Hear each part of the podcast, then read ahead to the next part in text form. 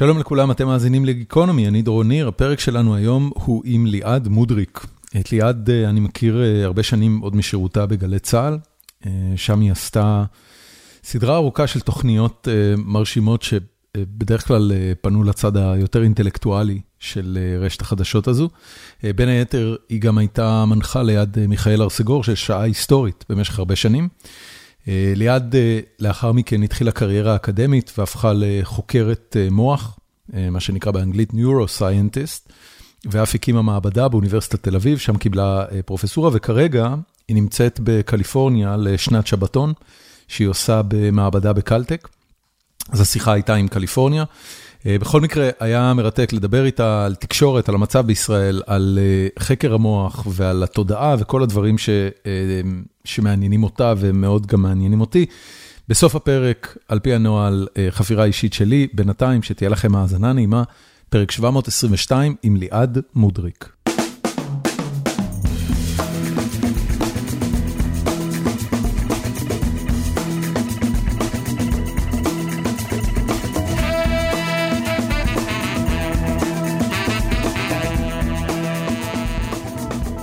ברשותך, אני דווקא רוצה להתחיל מזה. אוקיי. את היית בגלי צה"ל הרבה מאוד שנים, עשית שם תוכניות שאפשר אפילו לקרוא להן מופת.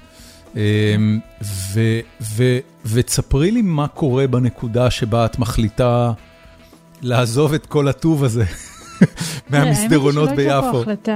כן, זה לא הייתה ממש החלטה כזאת דרמטית. זה היה תהליך מאוד מאוד ארוך, שבו בהתחלה הייתי בכלל כתבת חדשות, והתחלתי להגיש תוכניות, ובאמת גלי צה"ל היה כל עולמי. אני מדברת כשהייתי עוד חיילת. או, אז את התחלת גלי צה"ל במסלול הרגיל של מיונים וגיוס? רגיל עד כדי כך שכשהתקבלתי כתבו ששוב פרוטקציה בגלי צה"ל, כי הבת של הפצ"ר, או לא זוכרת מה, הבת של עודד מודריק התקבלה, אבל עודד מודריק הוא לא אבא שלי. אוקיי. אז עד כדי כך רגיל.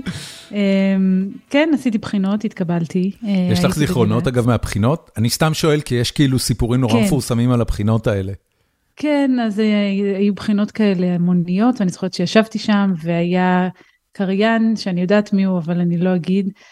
אז לא כך אפילו ידעתי מי הוא, אבל הוא עבר והסתכל על הבחינות שלנו, ומדי פעם צחק כאילו בקול רם על השטויות שאנחנו כותבים. אני זוכרת שזה היה לא כיף במיוחד. צחק בלעג, במובן של איזה צעירים. כן, הוא רצה לגרום לנו להרגיש פחות טובים, או אני לא יודעת. כן, כן. לא הערכתי את זה מאוד אז, ואני לא מעריכה את זה היום, ואני שמחה להגיד לך שהייתה לי אחר כך הזדמנות להיות בעצמי במיונים. ואני חושבת שהגישה היום היא מאוד מאוד שונה. יופי. אני לא יודעת איך היום היום, כי אני לא ממיינת לגלי צה"ל כבר המון שנים, אבל לפני... היום בודקים למי הצבעת. אני מקווה מאוד שלא. את חושבת שלא? באמת? את חושבת שלא? רגע, היום במיונים לגלי צה"ל, את לא חושבת שעושים בדיקה, קודם כל, שהייצוג יהיה ורסטילי אני חושבת שמתחשבים בייצוג. אוקיי. אני חושבת שמתחשבים בייצוג. דרך אגב, בכל העולם, מתחשבים בייצוג, שזה דבר שהוא יחסית חדש של העשורים האחרונים, לא רק בהקשר של פוליטיקה, כן? אני יושבת היום בוועדות באקדמיה, ואנחנו שואלים את עצמנו, כשאנחנו מסתכלים על מועמדים, או על פרסים, או על כל דבר, גברים לעומת נשים, מאיזה רקע הם מגיעים? זאת אומרת, היום שאלות של ייצוג, הן שאלות חשובות בכל מקום ובכל העולם, ואני חושבת שזה דבר טוב. איפה, איפה זה... איפה זה בא לידי ביטוי? כמובן צריך להיזהר שזה לא יהפוך לחזות הכל, כן? לזה בדיוק אני רוצה לכוון. ולא לפי זה רק מחליטים, אבל מצד שני, לא, אני רק אגיד למה ייצוג הוא כן דבר חשוב. כי יש לנו הטיות מאוד חזקות, וזה קשור גם למחקר שלי, הטיות לא מודעות כשאנחנו מעריכים אנשים. כשאתה מעריך בן אדם, אתה מסתכל נגיד על קורות החיים שלו, אתה אפילו לא יודע שאתה מושפע מהמגדר שלו, שאתה מושפע מהשכונה שהוא נולד בה, שאתה מושפע מהדרך שבה הוא מדבר, משם המשפחה שלו, אולי היום אתה כבר כן יודע, אבל לפני כמה עשורים אפילו לא חשבו על זה. או חשבו על זה פחות מדי, והעובדה שהיום אנשים כן לפחות נותנים על זה את הדעת, ושואלים את עצמם גם את השאלות האלה כשהם בוחנים מועמדים, בעיניי זה לא דבר רע. צריך להיזהר, כמו שאמרתי קודם, שזה לא הופך להיות הדבר המרכזי והבלעדי שלפיו מחליטים. אוקיי. Okay. בואי נחזור לגלי צה"ל, ואנחנו נדבר על העניין הזה של אינקלוסיביטי והטיות מיד לאחר מכן. אז היית, היית בגלי צה"ל, עשית נכון. מסלול, אה, אה, אבל, אבל באיזושהי נקודה, אם אני זוכר נכון, כי, כי אנחנו די באותו גיל, זאת אומרת, אני שמעתי אותך משלב מאוד מוקדם בגלי צה"ל, אבל, okay. אבל לקחת את הזווית של, את יודעת, של התוכניות היותר, באנגלית קוראים לזה היי בראו, של, של תוכניות יותר אינטלקטואליות, רן סבג גם עשה כיוונים כאלה, בני בשן. מה לקח אותך למקומות האלה, וכאילו איך זה נראה מבפנים בתחנה? זה, אגב, אני, אצלי כל הדברים התרחשו די במקרה, זאת אומרת, זו לא הייתה בחירה, זה קצת מה שניסיתי גם להגיד לך קודם. אמ, כשהתחלתי לענות לך על התשובה הקודמת וככה גלשנו למקומות אחרים. אל תדאגי, אנחנו נסגור הכל, יש לנו שעתיים. מעולה, אז אני אחזור שנייה רק לנקודה ההיא. אז מה שקרה לי זה שעם הזמן פשוט התחלתי ללמוד, ואז כשהתחלתי ללמוד אמרתי, טוב, אני לא יכולה להיות כתבת חדשות במקביל, כי רציתי ללמוד ברצינות ואי אפשר לעשות את שני הדברים ברצינות, אז ירדתי למין היקף משרה יותר קטן בגל"צ, ורק הגשתי תוכניות, ולמדתי.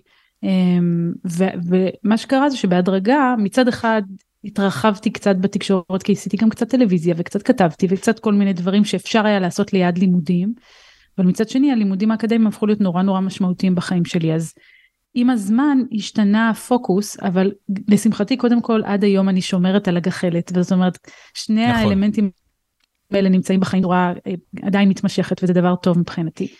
ודבר שני, אמ, האקדמיה פשוט עם הזמן הבנתי ששם אה, אני, זה המקום שלי. יותר מאשר התקשורת. אני רוצה, אני רוצה לדבר על התחושה הזאת. לעזוב לגמרי, זה היה מצער אותי מאוד. כן. מאוד. אני, אני, אני רוצה רגע לדבר על התחושה הזאת. כן. את את לא, אה, היה לך אה, מסלול אה, עיתונאי תקשורתי לפני הצבא? עשית כתב צעיר וכל מיני דברים כאלה? כן, שזה... הייתי הייתי כתבת בכולנו, ואחר okay. כך אוקיי. הייתי במעריב לנוער, ואחר כך הייתי, הייתי כל מיני קישוטים. הוסללת לתקשורת. לא, לא, לא להעליב אף אחד. לא, לא כן. לא, חס וחלילה. הוסללת כן. לתקשורת, או הסללת את עצמך לתקשורת, ו, ו, וזה היה, אני מניח, גם תשוקה וגם עיסוק מתגמל כשהיית צעירה יותר. כן. ככה מימנתי את השיעורי נהיגה שלי בתיכון. מהמם. באמת מהמם, ועוד מכתיבה, וואו. לא מקלפי, הייתי תחקירנית בקלפים פתוחים. גדול. זה של, איך קוראים לו? נתיב רובינזון. נתיב רובינזון, בדיוק ראיתי את ה... על התוכנית הגנוזה, ראיתי דוקומנטרי על התוכנית הגנוזה של קלפים פתוחים, על התוכנית על הנוער הגאה. כן. זה היה חתיכת סיפור, ישבתי מול זה נכון. בהשתאות אדירה. אה, נכון. לא משנה, מה זה לעומת הפוליטיקאים שלנו היום. נחזור רגע לעניין. כן. את מגיעה לגלי צה"ל, שהוא כאילו, את יודעת, אה, אה, מעוז ההגמוניה התקשורתית, זה כאילו המקפצה ש, שכל גדולי אה, התקשורת הישראלית עברו דרכה. את, את, את כתף לכתף עם רזי ברקאי וכל החבר'ה האלה. ואז את אומרת, עכשיו משהו נורא מעניין, את אומרת, ככל שהתקדמתי, ב, ככל שהתקדמתי במסלול האקדמי שלי, את אומרת ההתלהבות מהדבר הזה, ש, שמהילדות שלך בעצם אה, אה, השתוקקת אליו והפכת להיות מאוד מוצלחת בו, דעכה או, או לא, נהייתה משנית? לא, היא לא דעכה בכלל. אם היה לי, כל, אם הייתי יכולה, אם היה לי כמו מי שאוהב פה הארי פוטר, אם היה לי מחולל זמן כמו של הרמיוני גריינג'ר, והייתי יכולה להיות בשני מקומות באותו זמן, הייתי עושה את זה. אני נהנית ברמה שקשה לי להסביר מלשדר תוכניות ברדיו. אני, אמ, כשעשיתי עם גורי אלפי אה, תוכניות אה, גם ברדיו וגם בטלוויזיה, אה, זה הסב לי אושר עילאי. אני אוהבת את זה בכל ליבי, ולפני אבל, כמה זמן שביקשו ממני להנחות איזה, כי זה נותן לי סיפוק אחר. ספרי לי על זה. אלה שני סוגים בחיי האקדמיה. תקשיבי, דווקא בגלל שאת חוקרת מוח, כן. איך אומרים נוירוסיינטיסט בעברית? מה? אין, חוקרת מוח. חוקרת כן. מוח, אוקיי. זה מה יש. אה, נוירומדען? אה, כן, נוירומדענית, בסדר. מכיוון שזה את, אז את, את יודעת מהם המרכיבים הפיזיולוגיים ואפילו הכימיים במידה מסוימת של אושר. מהו כן. האושר שאת חווה באקדמיה ומהו האושר שאת חווה בתקשורת? ולמה בחרת את השני, או בחרת להעדיף יותר את השני על גבי הראשון? זה סוג מאוד מאוד שונה של סיפוק, על אף שיש בו הרבה קווים מקבילים, אז אני יכולה לענות לך. קדימה. אמ, אז בתקשורת, אתה יודע, אמ, אני, אני מגיעה לעבודה, זה סיפוק מיידי.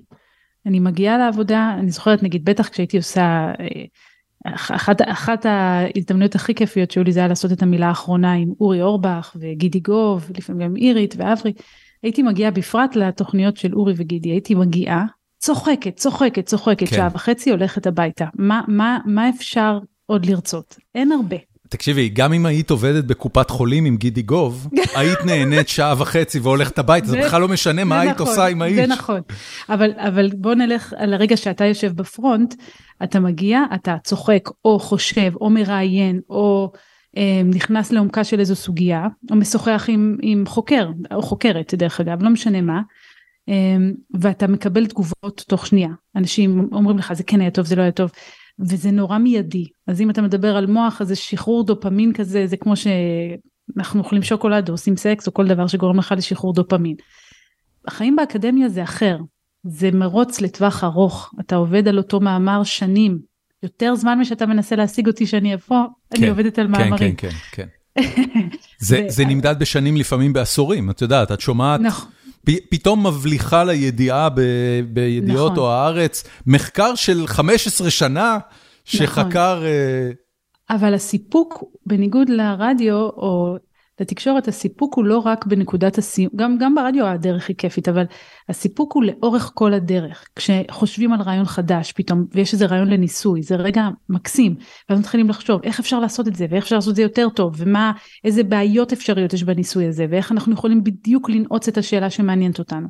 ואחר כך עוד רגע שיא זה כשמגיעות התוצאות, ואתה אומר, רגע, זה מה שחשבתי שיקרה, או לא מה שחשבתי שיקרה.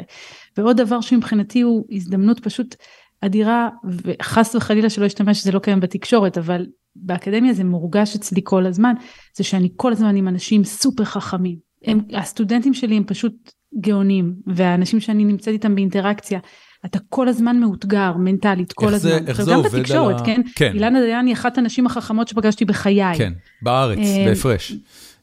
ולא רק בארץ, בעולם, היא פשוט גאון, כן? יש הרבה גאונים, הזכרת את רזי, יש הרבה אנשים מאוד מאוד מאוד חכמים. כן. אבל אני הרגשתי שאני מאותגרת יותר בעולם האקדמי, וגם שאני יכולה לבחור את מה שמעניין אותי ממש. זאת אומרת, כשאתה עושה חדשות, אתה עובר על כל מה ש... אתה מדבר על ענייני היום, אתה לא שולט בהם. כשאני עושה מחקר, אני עושה מחקר על השאלה הספציפית שמעניינת הבנתי. אותי. הבנתי, אוקיי. גם משהו פה, אחר. פה, פה נגעת במשהו שהוא הוא, הוא מעולה בעיניי, וגם סגר לי את הסיפור לגמרי. כי באמת במחקר אקדמי, אה, בהנחה שהצלחת להשיג את המימון שלו, ואת היום, כמה שנים את כבר באקדמיה? מאז שהתחלת, מאז שרגלי דרכה באוניברסיטה, זה כבר 22 שנה. מאז שאת דוקטור, בואי נעשה את זה פשוט. מאז שאני דוקטור, 11 שנים. אוקיי. כמה, איזה אחוז מהזמן שלך הולך על מימון למחקרים שלך? הגשת גרנטים, חיזור, פנדרי, לא יודע, כאילו כל מה שצריך לעשות היום באקדמיה כדי לממן פעילות. זה קשה מאוד להעריך, כי נגיד, יש גרנטים מאוד גדולים שאתה יכול לעבוד עליהם שבועות ארוכים וחזרות ועניינים, זה לוקח הרבה זמן, אבל ברגע שהשגת אותם אתה שקט לשנה וחצי. לחמש. חמש, מדהים. לחמש שנים. כן. אז, אז, אז זה לא שאני יכולה להגיד לך כמה אחוז מהיום יום שלי, כי זה, זה עניין של תקופות, זה פיקים. כשאני כותבת גרנט, אני עסוקה כולי בגרנט, וזה יכול לקחת כמה שבועות טובים. הבנתי.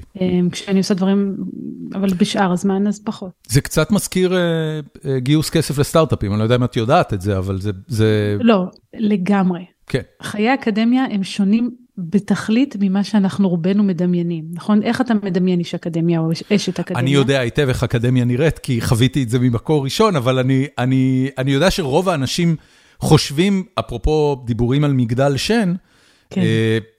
ואת יודעת, גם יש הרבה, יש הרבה יצירות תרבותיות שמראות את החיים באקדמיה בצורה מאוד הסתדרותית ו, ומזלזלת. נכון. אפילו הייתה סדרה מקסימה בשם, לא זוכר את השם, faculty יכול להיות? סדרה עם... עם סנדרה או? סנדרה או, איך קראו לזה? The Chair, תודה רבה.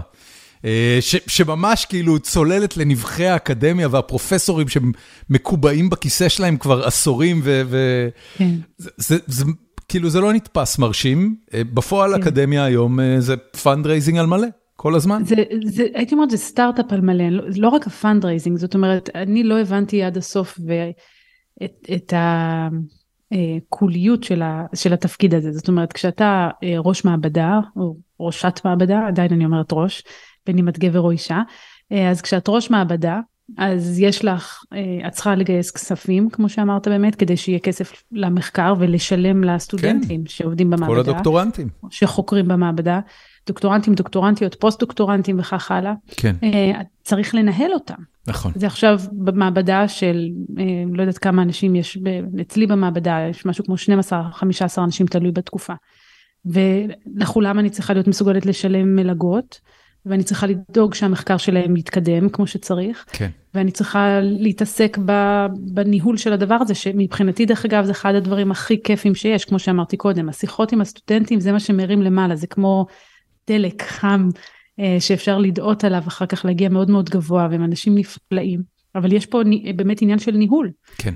ויש את הדבר הזה, ולהשיג את הכספים כמו שאמרת, ויש את ההוראה, זה גם תמיד מצחיק אותי שכתוב מרצים מלמדים, לא זוכרת כמה שעות בסמסטר, אבל זה כלום. ההוראה זה רק חלק מהעניין, ההוראה עצמה, ויש כמובן להכין את השיעורים ולבדוק אותם וזה. ויש את כל מיני הוועדות שבאמת זה דומה קצת, והוועדות וכוסות תה והסתדרות בסדר. כן, כן, כן. והכנסים, ואינטר... זה, זה, אני עובדת בזה 24/7. אבל שלא ישתמע לרגע שאני מתלוננת. זו עבודה מדהימה, ואני תמיד אומרת את זה ואני אגיד את זה גם כאן, מדינת ישראל משלמת לי כסף כדי שאני ארדוף אחר הסקרנות שלי. אין כזה דבר. היא משלמת לי כסף כדי שאני אלמד וכדי שאני אלמד אחרים. האם הסקרנות שלך... מבחינתי אין משהו יותר טוב שאני יכולה לקבל. אני, אני רוצה רגע לשאול, כי את אומרת הסקרנות שלך, והסקרנות זה דבר מאוד מאוד אינדיבידואלי. אבל אני, כש, כשאת... כשאת בוחרת איזה ניסוי תעשי ואיזה מחקר תעשי, והוא לגמרי מבוסס על הסקרנות שלך ועל תחום ההתמחות שלך ועל הקריירה שעשית עד עכשיו, איזה שיקול את נותנת לשאלה, אה, מה יהיה התוצר של הגילוי במידה ושאלת המחקר תצליח או תיכשל? זאת אומרת, אה, אתה יודע, אני, אני, אני מכיר הרבה חוקרים באקדמיה, הם עובדים על איזשהו אה, IP, על איזשהו ידע מסוים, כדי mm-hmm. להוכיח אותו. ואם הם יצליחו, יהיה אפשר על הדבר הזה להרים ענף חדש בתעשיית הרפואה, מדע. אה, אה, מים נקיים, את יודעת, מגוון עצום של דברים. זאת אומרת, יש עניין של כן. אה, ממד פרקטי נכון. לתוכן שמפותח. כמה הדבר הזה נכנס לשיקול שלך כשאת רודפת אחרי הסקרנות הזאת? אז אצלי אין ענף, אפילו זלזל אין, שאפשר יהיה לייצר מהידע שאני אה, רודפת אחריו, למרבה הצער. האמת היא שזה מצחיק, כי כשהייתי צעירה יותר אז אפילו התגאיתי בזה, אמרתי אני עושה basic science, כן, המטרה היחידה שלי זה טהור. זה רק להגיע לשורש האמת, ואין לי שום אה, כוונה אפליקטיבית. היום דרך אגב אני חושבת אחרת. איך את חושבת היום? היום אני חושבת שאם...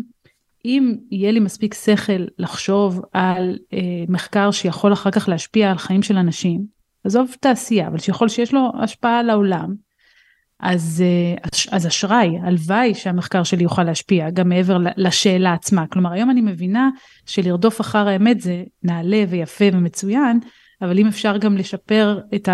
העולם בזכות זה. אפשר שהאמת הזאת תהיה שימושית למישהו. בדיוק, בדיוק. ואתה יודע, אני חוקרת מודעות ורצון חופשי, זה, אבל אני רוצה כן להגיד בהקשר הזה, שדווקא בשנה האחרונה, אה, אני...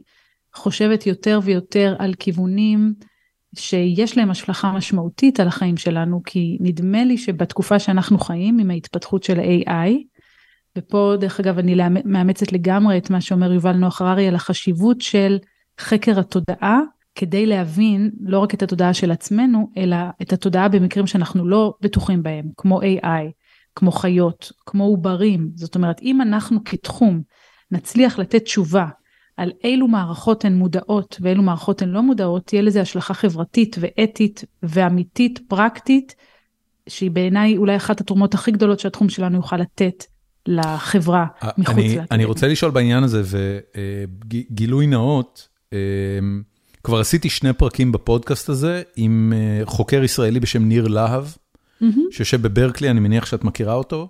כן. איפה את עכשיו אגב גיאוגרפית? אני גיאוגרפית בקליפורניה. אני איפה? שבתון בקלטק ובצ'פמן university. קלטק מה זה. זה, זה אזור ה Bay או שזה אזור? פסדינה, לא, לא, לא, דרומה.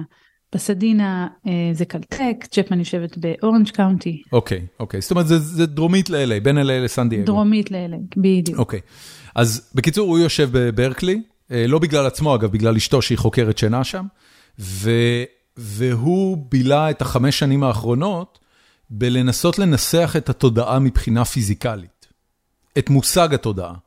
אה, והייתה לי שיחה מאוד ארוכה איתו על מה היו התוצאות של המחקר שלו, והוא חושב שהוא הגיע לאיזשהו משהו, לא משנה. אני אשאל רק אותך מהמקום שאת נמצאת ומתחום העיסוק שלך, מהי בכלל ההגדרה של תודעה? כן, אז, אז תראה, אפשר להגדיר תודעה בהרבה מאוד דרכים, אה, והוצאו באמת הרבה הגדרות לתודעה. התודעה שאני עוסקת בה ושהתחום שבו אני נמצאת מתעניין בו אה, בצורה הכי משמעותית, זה מודעות תפיסתית. אני תמיד נותנת את אותה דוגמה, בשבילך אני אגוון, במקום לדבר על שוקולד אני אדבר על לימון, בסדר? Okay. אוקיי. אז כשאתה מכניס קוביית לימון לפה, אז קולטני הטעם של הלשון שלך מזהים שיש שם חומציות או מה שזה לא יהיה, ואתה מאבד את המידע על הגירוי הזה, שאתה באינטראקציה איתו. נכון. אבל בניגוד למחשב, או לאינטליגנציה מלאכותית שיכולה לזהות עכשיו שצבע מסוים, מסוים הוא אדום, כשאנחנו רואים אדום, אנחנו גם חווים את, את התחושה של לראות אדום. כשאני מכניסה לימון לפה, אני תואמת את הטעם של הלימון. והשאלה היא, מה מבחין בין עיבודים שהם נעשים ללא מודעות, לבין עיבודים שנלווית אליהם חוויה שמרגישה כמו משהו, שיש לה טעם, שיש לה ריח, שיש לה צבע או צליל, ש, אני, שיש אני, לה מה שאנחנו אוהבים לקרוא קואליה. אני, אני רגע אשאל שאלה, אוקיי? Mm-hmm. כשאני טועם לימון, מה שקורה זה שהרצפטורים אה, או הסנסורים של אה, אה, חמיצות. חומציות ועוד שאר החומרים שנמצאים בלימון, קולטים את המידע הזה, מעבירים אותו חשמלית אל המוח. המוח באיזושהי צורה בודק את זה כנגד חוויות קודמות, מזהה שזה מתאים לחוויה המכונה לימון, ששמורה אצלו בעבר. זאת אומרת, אם לא היה לי זיכרון מלימון, או שזו הייתה פעם ראשונה שאכלתי לימון, לא הייתי יודע להגיד שזה לימון. אבל הייתה לך חוויה של לימון. הייתה לך חוויה של הטעם. אני מדברת לא על הקונספטואליזציה, לא על זה שאתה תקרא לזה לימון. אני מדברת על איך שלימון מרגיש. אוקיי. על הטעם שיש ללימון. זאת מודעות מבחינתי. לא היכולת לזהות מה זה. זה כבר סמנטיקה, זה כבר יכולת קוגניטיבית. הבנתי. אני מדברת על איך שדברים מרגישים. ועל גם במוח שלנו ההבדל בין עיבוד מודע, שבו אנחנו חווים את המידע, לבין עיבוד לא מודע, שבו אנחנו, אני יכולה במעבדה שלי להציג לך תמונה מאוד מאוד מהר, כשהיא מופיעה בין הרבה תמונות אחרות חסרות משמעות. אני אשאל אותך מה ראיתי, מה ראית, תגיד לי לא ראיתי כלום, אבל אני אמצא עדויות לכך שאיבדת את העובדה שהייתה שם מילה, או שהיה שם פרצ, פרצוף כועס.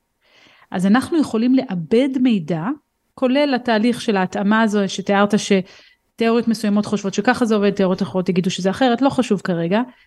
אנחנו ניתן לזה את התווית, את הלייבל של לימון, אבל לא נחווה שום דבר. זה okay. יהיה אוקיי. עיבוד לא מודע. אוקיי, okay, בניגוד הבנתי. למצב שבו אתה תחווה, שים תווית, לא תשים תווית, זו כבר שאלה אחרת, אבל תרגיש משהו. וזו השאלה הגדולה שאנחנו מנסים לפתור. למה אנחנו בתור בני אדם, ככל הנראה גם חיות אחרות, יש להן לא רק עיבוד של מידע, אלא גם חוויה של איך זה מרגיש, בעוד שמערכות אחרות מאבדות מידע ולא נלווית לזה חוויה. וגם okay. אוקיי. בתוך המוח שלנו, למה חלק מהתהליכים מלווים בחוויה וחלק מהאחרים, מהתהליכים מת, מתרחשים בלי שאני בכלל יודעת. בלי שאני יודעת שזה קורה. איזה, איזה, תני, תני לי דוגמה לבעל חיים שמאבד את המידע בצורה לא מודעת. אז אנחנו לא יודעים, תראה, זו שאלה מאוד מאוד גדולה. Okay. אוקיי, הרי אם אני אגיד לך כלב, כלב אתה תגיד לי, ברור שהוא מודע, נראה שהוא מרגיש דברים, נראה שיש לו חוויות. אה, כן, זה לא תשובה מספיק טובה. נראה, נראה טוב, ש... בוא נרד, בוא נרד למטה, תכף נדבר על איך אפשר לתת תשובה שהיא לא נראה לי. אוקיי. בוא נרד למטה, מה לגבי דבורה? אוקיי. דבורה אתה חושב שיש לה חוויות מודעות או לא? פה כבר אנשים יכולים, יש כאלה שיגידו שכן, יש כאלה שלא. בוא נרד עוד יותר למטה, מה לגבי המבה? כן. רוב האנשים יגידו שלא. עכשיו, אתה אומר, לא מספיק, לי, לא מספיק טוב לי הנראה לי, ואני זורמת איתך. אה, אנחנו מחפשים מבחן שיאפשר לי לקבוע האם חיה, AI, עובר, מה שזה לא יהיה, הוא מודע או לא. האם נצליח למצוא מבחן כזה? אני לא יודעת.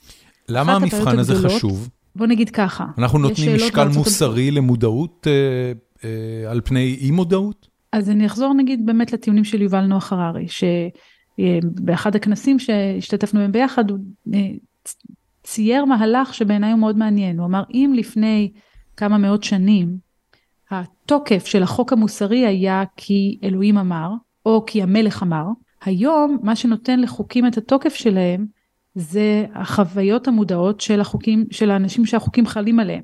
הוא אפילו נותן דוגמה מאוד יפה לגבי אה, אה, הטיעונים שישמיעו נגיד אנשים חרדים נגד מצעד הגאווה בירושלים. זה פוגע הם לא יגידו, ברגשותיי. תפסלו את מצעד הגאווה כי אלוהים. אלוהים לא מרשה. כן. הם יגידו, זה, זה פוגע ברגשות שלי. אז בעצם היום השיח שלנו הוא שיח של אה, משקל בין זכויות, שבין השאר נשענות על השאלה מי מודע ומי לא מודע. תחשוב על ווסטוורד, כן? מה מותר לעשות ליצורים האלה, לרובוטים האלה? כל עוד אנחנו מניחים שאין להם מודעות, אבל ברגע שאנחנו חושבים שיש להם מודעות, אז אנחנו פתאום שואלים את עצמנו מה אפשר לעשות ומה אי אפשר לעשות. Okay. אוקיי. אנחנו נוטים לייחס ליצורים, מערכות בעלי מודעות, משקל אחר מאשר יצורים ומערכות שאין להם מודעות. וגם אם אני אשאל אותך, נגיד שאני מעניקה לך חיי נצח, מעתה ועד עולם, אבל אני לוקחת ממך את כל החוויות המודעות שלך. אתה מאבד מידע, אתה מתנהל בעולם, אתה עושה הכל כמו שאתה עושה, אבל לא מרגיש כלום. אתה לוקח את העסקה הזאת או לא? ברור שלא. אני בכלל לא בטוח, שלא. אני בכלל לא בטוח ש... שאני לוקח את העסקה של חיי נצח, גם אם את לא לוקחת ממני שום דבר, כאילו זה, זה נשמע לי מלא עבודה, מה זה חיי נצח? את יודעת, זה, רוב זה, האנשים, זה חתיכת אז דבר. בוא נגיד, בוא נגיד, אז בוא, זורם, אני ממשיכה איתך, אז לא חיי נצח, אבל אני אומרת, במקום שאתה יכול לבחור למות בעוד חמש שנים. לא, אני, אני לגמרי מבין את מה לחוות, שאת אומרת. את בעצם או אומרת, להישאר עוד 40 שנה. כן, כן, ההערכה שאני שלנו לחוויה המודעת היא עצומה.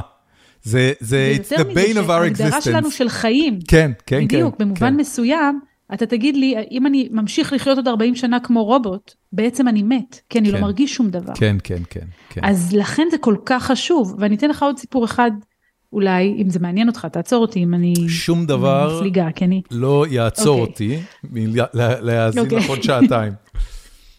בסדר. אז, אז אחד המחקרים המדהימים שהתפרסם בסייאנס, שזה כתב עת, אחד החשובים ביותר שיש במדע, אה, הראה בעצם שאנשים שסווגו עד אז כמה שנהגנו לקרוא- לו צמח, היום כבר קוראים לזה תסמונת אי תגובתיות, אה, או במצבים של מה שנקרא מינימלי קונצ'ס, למעשה הם, הם, הם כן מודעים איך עשו את זה. הכניסו את הנבדקים האלה, זה חוקר בשם אדריאן אוהן, הוא הכניס את הנבדקים האלה למגנט, ל-FMRI, שיכול להתחקות אחר צריכת החמצן של אזורים שונים במוח שלהם, ואמר להם, תדמיינו שאתם משחקים טניס, או תדמיינו שאתם מנווטים בבית. כשאנשים בריאים נותנים להם את ההוראה הזאת, אנחנו יודעים מה קורה. כשאני עכשיו, אם אני עכשיו עוצמת עיניים ומדמיינת שאני משחקת טניס, נניח שהייתי יודעת לשחק טניס, זה סיפור אחר, בעיה אחרת, לא ניכנס אליה, אז אה, אזור שנקרא האזור המוטורי הראשוני, היה פעיל אצלי. כשאני מדמיינת, כשאני אה, מנווטת בבית שלי, אז אזור בשם ההיפוקמפוס היה פעיל. עכשיו, לקחו את האנשים האלה, נתנו להם את ההוראה הזאת, וראו שאצל חלק מהחולים יש פעילות מוחית שהיא דומה מאוד לזו של בריאים. אומרים להם לדמיין שהם מנווטים בבית ורואים פעילות בהיפוקמפוס. זה אומר שהאנשים האלה שומעים, מבינים את ההוראה, מצליחים לעקוב אחריה, ובעולם המנטלי שלהם מדמיינים את עצמם מנווטים בבית. עכשיו זה אנשים שעד לפני רגע חשבו שהם, מה שנהגנו כן, דף- לכנות דף צמח. חלק, כן, כן, כן, כן, ריק. אז, אז זה, זה מאוד משמעותי. זה, זה זה, הבדל של שמיים וארץ ואיך אנחנו נתייחס אליהם, לא? זה אומר לנו, כמובן, קודם כל, אבל אה, זה, זה אומר גם שהם מודעים להיותם צמח וסובלים מזה? זאת, זאת כבר שאלה גדולה, ויש תסמונת שנקראת לוקט אין סינדרום, שזה אנשים שהם לוקט אין, כלואים בתוך גופם, לא מסוגלים לתקשר, אבל יש להם מודעות הם, הם, למה שקורה סביבם, ו, וזו כמובן תסמונת מאוד מאוד קשה. עכשיו, מה שעשו בעקבות המחקרים האלה זה שפיתחו דרך לתקשר עם האנשים. נגיד עכשיו דמיין שאני אומרת לך, כדי לענות לא, תדמיין שאתה משחק טניס, כדי לענות כן, תדמיין שאתה מנווט בבית. והיה אחד החולים, סיפור מדהים, שאבא שלו יושב לידו והוא שומע, האם קוראים לך אלכס נדמה לי, והוא מדמיין את התשובה כן, איך קוראים לאבא שלך? זאת אומרת, הוא הפך את זה הוא לשפה, היכולת, לתקשר, כן, יכול היכ- לתקשר עם היכולת העולם. בתוך המוח שלו.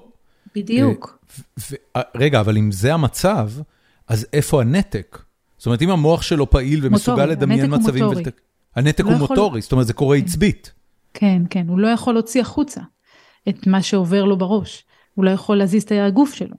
אמ, אז, אז אה, יכולת כזאת של לזהות מי מודע ומי לא מודע היא קריטית. יש חוקרת, דרך אגב, ישראלית מבריקה, ענת ארזי שנמצאת באוניברסיטה העברית, והיא יחד עם נועם סובל, הם פיתחו מבחן מאוד מאוד פשוט, שאתה נותן לאנשים להריח ריח, ואנחנו, אה, יש לנו תגובת הערכה כזאת אוטומטית לריחות נעימים ולא נעימים.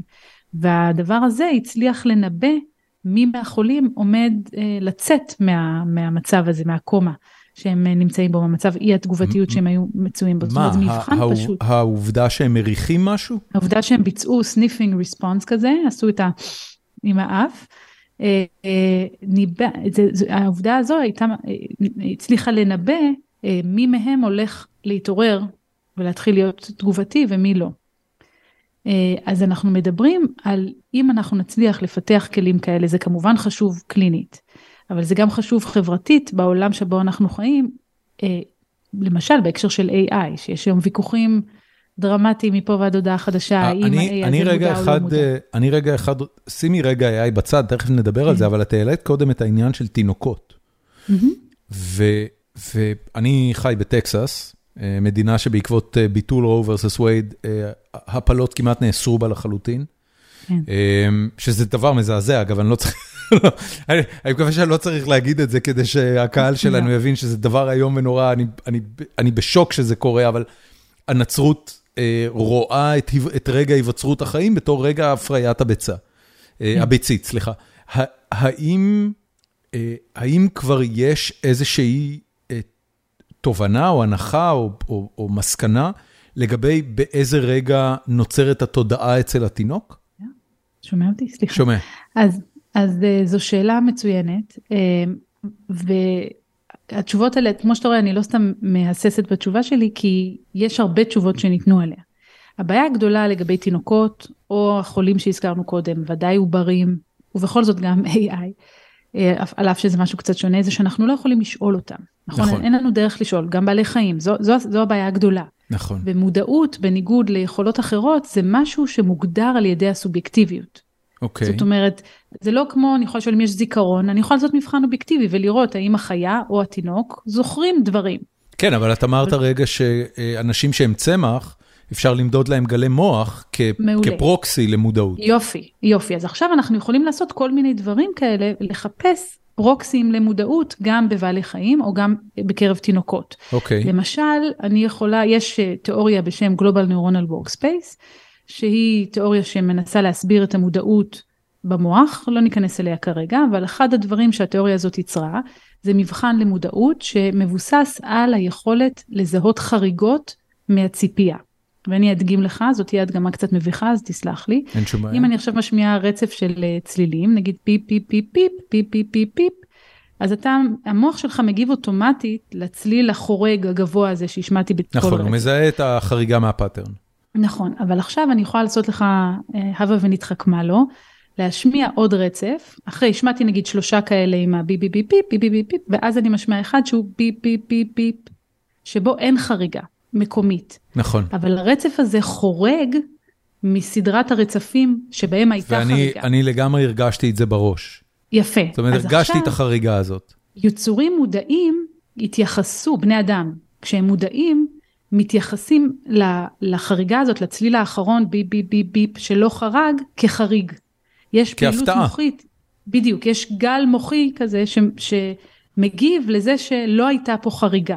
אוקיי. Okay. במצב של חוסר מודעות אין תגובה כזו. יש תגובה לחריגה המקומית, אבל אין תגובה לחריגה, מה שנקרא הגלובלית, לזאת שחורגת מהרצף היותר רחב. זאת אומרת, אם ביפ ביפ ביפ ביפ זה חריגה מקומית, אז הביפ ביפ ביפ ביפ האחרון שבא אחרי רצפים שבהם הייתה חריגה, הוא חריגה גלובלית, אני לא יודעת איך להגיד ב, ב, בעברית את זה, כן. להגיד את זה עם מקומית. אז זה סוג של מבחן. עכשיו זה מבחן שאומר בבני אדם הדבר הזה מבחין בין אנשים שהם נגיד במצב של הזכרנו קודם צמח או מינימלי קונצ'ס במצב של ערות לעומת שינה שהיא לא שנת חלום. אז עכשיו אנחנו יכולים לעשות את זה על, על, אה, על תינוקות או אפילו על עוברים היה מחקר ממש חדש שעשה את זה על עוברים והראה שמשבוע 35 יש תגובה מוחית לחריגה הגלובלית ולא רק לחריגה הלוקאלית. 35 זה מאוחר לטעון, מאוד. מאוד מאוחר. מזה אפשר אולי לטעון שמשבוע 35 יש כבר תפיסה מודעת. אגב, הבעיה הגדולה בדבר הזה, זה שזה מערבב קצת בין מודעות לבין קוגניציה. זאת אומרת, בבני אדם, המודעות הולכת גם עם כל מיני יכולות, כמו נגיד היכולת לזהות חריגה גלובלית כזאת. מה, מה ההבדל בין מודעות לקוגניציה? מה, מה ההגדרה של קוגניציה? אז קוגניציה זה היכולת שלי לעשות כל מיני שיפוטים, אה, לעשות מניפולציה על מידע מנטלי, אה, לחשוב. בעוד שמודעות אני הגדרתי קודם כחוויה, כטעם של הלימון, בלי אפילו לדעת שזה לימון. הבנתי. אז הידיעה שזה לימון כבר תהיה קוגניטיבית. הבנתי. החוויה של הטעם תהיה המודעות עצמה. אז זה שהעוברים נכשלים במבחן הזה לא אומר שהם לא מודעים הרבה קודם, אבל זה כן אומר שכנראה בשבוע 35 כבר יש שם גם את החוויה המודעת. מוד, מודעה, מס, מודעות מספיק קודם, מפותחת כדי, כדי, כדי להצליח בניסוי. בדיוק, בדיוק, okay. אוקיי. כדי לעבור את המבחן הזה. עכשיו השאלה אם אנחנו יכולים לפתח מבחנים אפילו יותר בסיסיים, ויש כל מיני כאלה, שיצליחו להגיע למודעות כחוויה לאו דווקא דרך קוגניציה. אוקיי. Okay. לאו דווקא, היכולת, לאו דווקא דרך היכולת לבצע מטלות. וזה אחד הדברים שאני ממש עוסקת בהם הרבה לאחרונה, ואני מאוד נסערת מהשאלה הזאת, אני חושבת שהיא מדהימה, אה, ושאם נצליח לפצח אותה איכשהו, אז באמת תהיה פה, התחלנו את הדיון הזה בשאלה על תרומה אמיתית לחברה, מעבר ל... לככה סיפוק הסקרנות ופתרון אחת החידות הכי גדולות שבני אדם מתעסקים בהם, כן, כבר מאות שנים, אז זה בעיניי יהיה מדהים. מה יכולה להיות התזה שם? זאת אומרת, המחקר המדעי באופן כללי אה, אה, עובד על השערה, ניסוי, מסקנות ותוצאות. מה... זה סוג מסוים של מחקר. יכול להיות גם, רק אגיד, יכול להיות גם מחקר שמבוסס על תגלית, זאת אומרת על צפייה של דאטה, על תצפית שעשית על דאטה בלי השערה מוקדמת, והדאטה הזה מספר לך סיפור שלא חשבת עליו קודם, גם זה יכול לקרות. אבל אתה תצטרך איזושהי תזה כדי לפרש את הדאטה, בשביל שתהיה לו משמעות.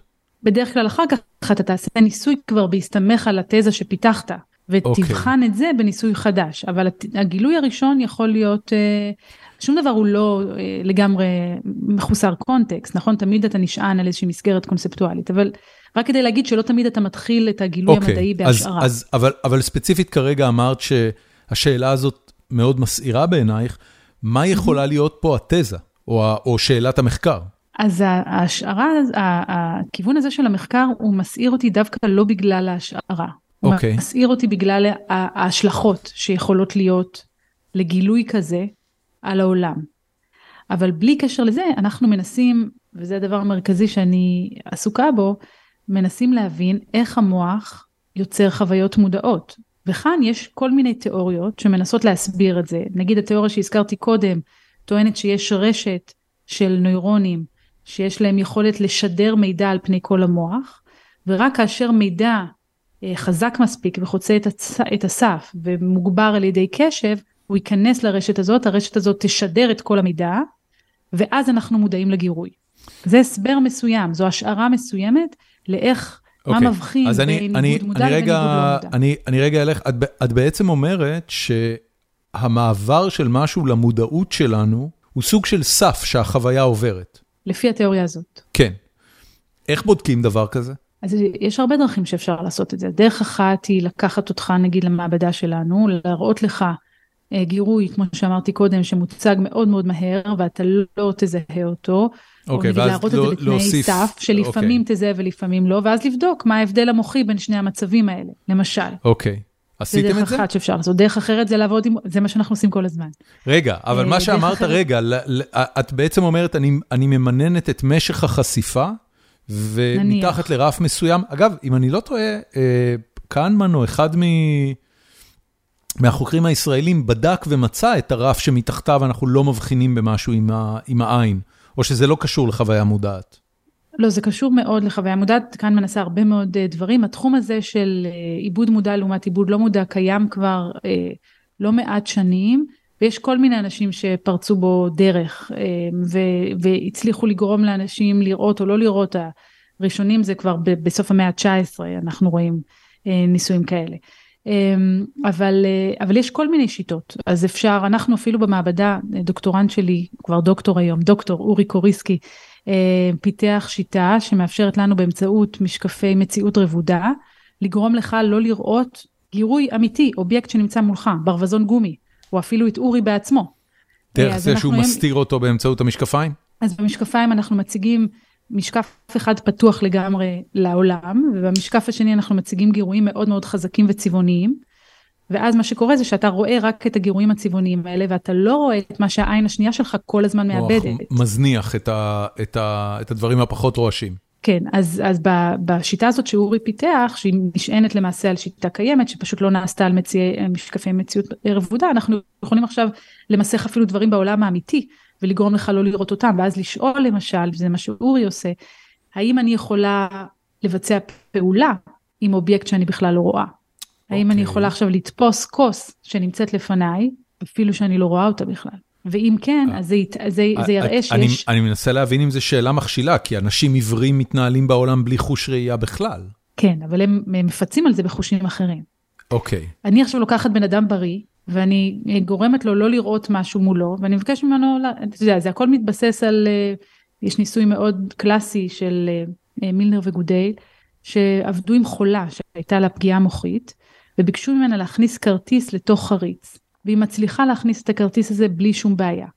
אבל כשמבקשים ממנה להגיד איך החריץ נראה, היא לא מצליחה לעשות את זה. היא לא, מבחינה מודעת, היא לא תופסת את מה שמוצג לפניה, אבל בכל זאת היא מסוגלת לבצע פעולות על האובייקטים שמונחים מולה. מה ההסבר אנחנו, לזה?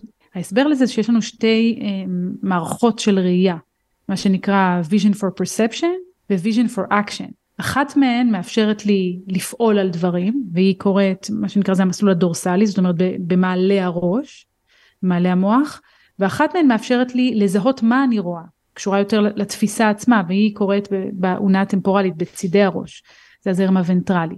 אז התיאוריה הזאת, תיאוריה מאוד מאוד משפיעה של שני זרמים למודעות, היא תיאוריה שנחקרה רק על חולים, כי בבני אדם אין לנו את ההפרדה הזאת.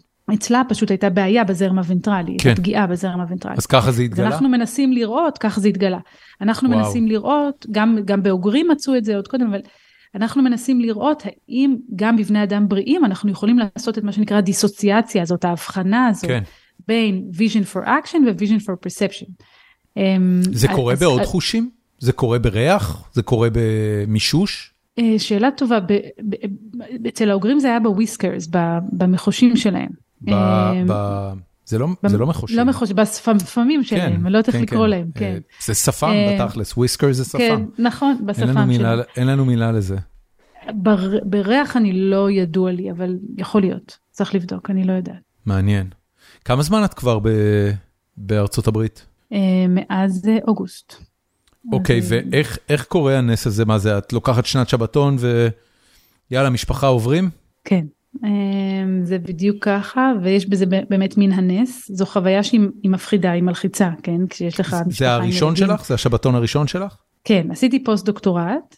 אוקיי אמ, איפה הוא היה? המסלול האקדמי עובר גם בקלטק אה, אוקיי. בפסדינה גרנו אז. אתה עושה דוקטורט אתה עושה פוסט דוקטורט ואחר כך אתה פותח מעבדה משלך. אה, אז חיינו פה כבר שנתיים וחצי אז הילדים היו קטנטנים אה, חזרנו ארצה פתחתי את המעבדה שלי בארץ. זה היה ב2015. ועכשיו בשלו התנאים לעשות שנה שבע שנים, בחו"ל. כן. וזה, כן, אמ, וזו הייתה שנה, זו עודנה, אבל היא כבר מתקרבת לקיצה. אמ, שנה מופלאה מבחינה אישית ומשפחתית, אבל גם אה, מבחינה מחקרית. כל העיסוק הזה במבחן למודעות זה משהו שקרה לי השנה מתוך האינטראקציות שעשיתי כאן, אה, הייתי, התארחתי בהרבה מעבדות, נפגשתי עם לא מעט חוקרים, גם בתחום מדעי המחשב, גם בתחום המודעות ואחרים. וזה אפשר לי לפתוח, וזו המטרה של שנת שבתון, גם ליצור קשרים, אבל גם לפתוח את הראש לכיוונים שאולי ביום יום שלך הרגיל אתה לא מגיע אליהם. תגידי, איך נראה... זה מומלץ בחום, מי שיכול. היה, היה בזמנו אה, סערת טוויטר גדולה סביב uh, uh, יזם ישראלי, שהוא גם חבר, אני לא אתקוב בשמו, אבל הוא כתב שהוא... Uh, uh, יש לו עוזרת שבאה כל יום לנקות את הבית, ושהוא נורא ממליץ על זה למי שיכול להרשות לעצמו. כן. וכמובן כן. האינטרנט כולו התפוצץ עליו, והוא התנצל, היה כאילו ברור. עניין, אבל כן. ברור. אני, אני רק... לא, עוש... אני אגיד לך ברצינות שנייה, זה לא מכוון ל... יש הרבה אנשים באקדמיה, ואני בכללם, שמפחדים לנסוע לשבתון, אני ממש כמעט לא נסעתי. למה? זה, זה צעד נורא, כי זה מפחיד, יש לי ילדים כבר גדולים, להעביר אותם פתאום לשנה, לבית ספר אחר, בשפה אחרת, זה לא טריוויאלי. איך, איך בכל זאת התנהלה השיחה? להפיץ את הבשורה. איך התנהלה השיחה שבה החלטתם כן לעשות את זה? אני מתביישת להגיד, אני עשיתי להם מצגת הילדים. רגע, להם את, את מצגת על- רצית כל הזמן? זאת אומרת, את היית צריכה לשכנע את המשפחה? לא, לא, אני והבן זוג שלי, אני והבן זוג שלי התלבטנו בזה הרבה מאוד מאוד מאוד זמן. מה הוא עושה, אם אני יכול לשאול? הוא אה, מפתח אה, מערכות מידע לעמותות חברתיות ולעסקים קטנים. כלומר, הוא אוקיי. מתכנת למערכות של ניהול מידע. אז הוא יכול לעשות את זה מכל מקום בעולם? אז הוא יכול לעשות את זה מכל מקום, נכון. אוקיי, והוא רצה? אז התלבטנו מאוד עם... אז שנינו היינו חצויים לגבי זה, כי מצד אחד ידענו שזאת תהיה חוויה יוצאת דופן, וגם מבחינת המחקר זאת תהיה, אה, זה יהיה משמעותי מבחינתי. אבל מצד שני, חששנו, זה, זה צעד, כמו שאמרתי קודם, הוא מפחיד, הוא לא פשוט. כן. אז איך- התלבטנו, התלבטנו והתבשלנו במיץ של עצמנו, ובסוף אמרנו, יאללה, הולכים על זה. אה, זורקים את הפחדים הצידה, ואז עשיתי את המצגת לילדים, כדי לשכנע אותם. היה שם שקף של דיסנילנד? בוודאי, איך לא יהיה? איזה עוד שקפים?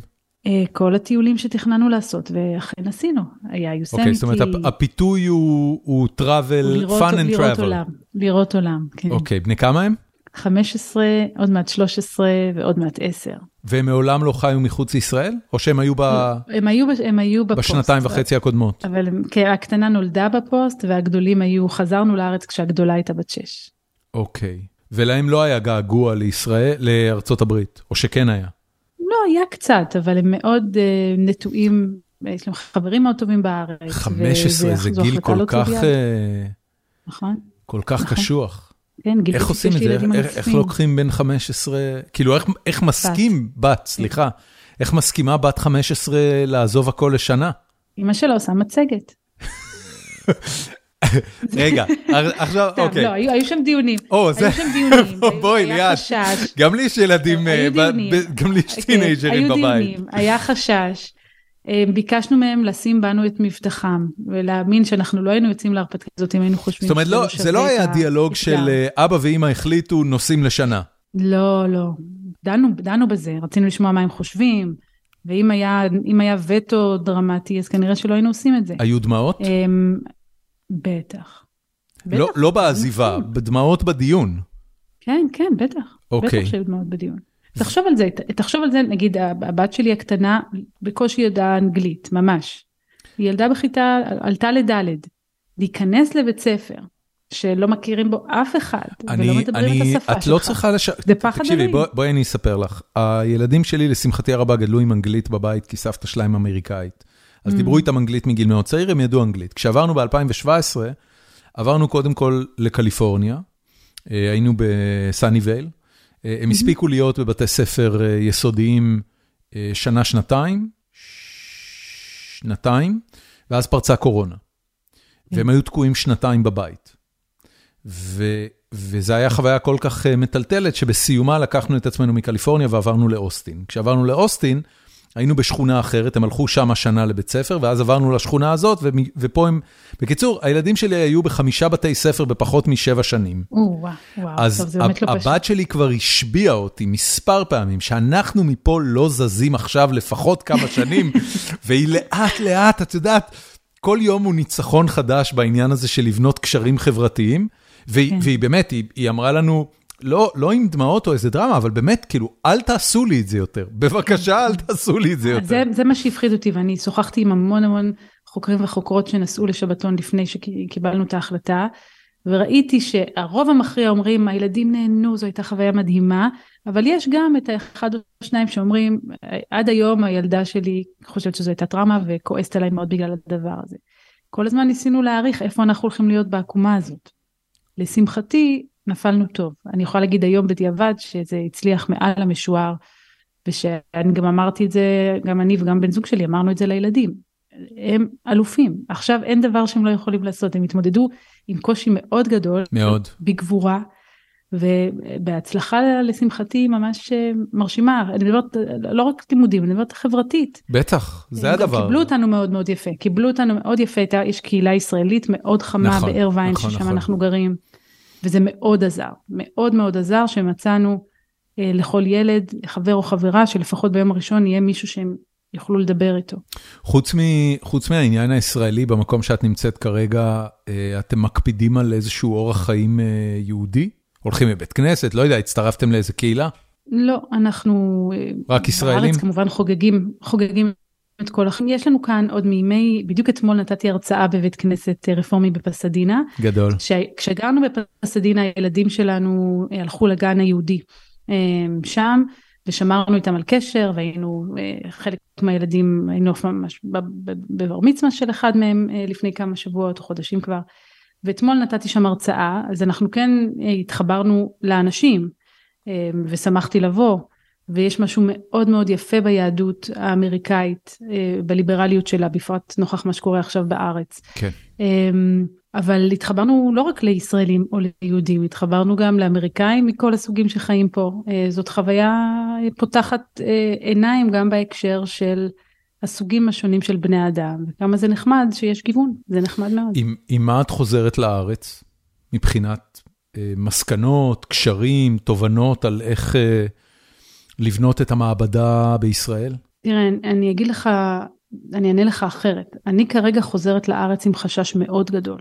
אוקיי. Okay. אני מכאן הייתי פעילה במחאה של, ה, של חלק מהאקדמאים במה שקורה ברפורמה המשפטית, הפיכה המשפטית, תקרא לה איך שתרצה. עכשיו, אני במשך שנים נמנעתי מלהביע דעה, כי לא חשבתי שזה המקום שלי, וגם ככה בגלי צה"ל איכשהו חונכתי לנסות לשאוף לאובייקטיביות.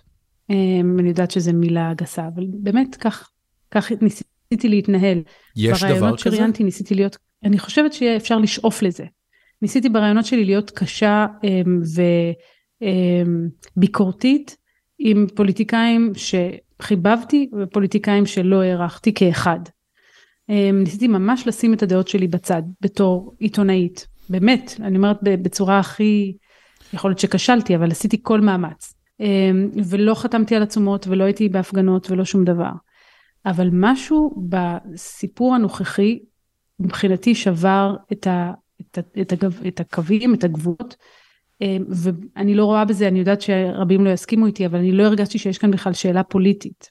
זאת אומרת, מבחינתי באותה מידה לו הייתה עולה ממשלת שמאל ומנסה לשנות את החוקים כך שלא יהיה למיעוט, כל מיעוט, אפשרות להגן על עצמו, או לשנות את החלטת הרוב, הייתי מתנגדת לזה בדיוק באותה עוצמה כמו שאני מתנגדת עכשיו, כי יש בי חשש עמוק שהמדינה שאני כל כך אוהבת, ואני באמת מגדירה, אני מהאנשים שעומדים, נוסעים לראש פינה ומסתכלים ונזכרים בסיפור של גאוני ויש לי דמעות. אני שומעת שיר, שומעת שירים של, אני, אני מהמתרגשים.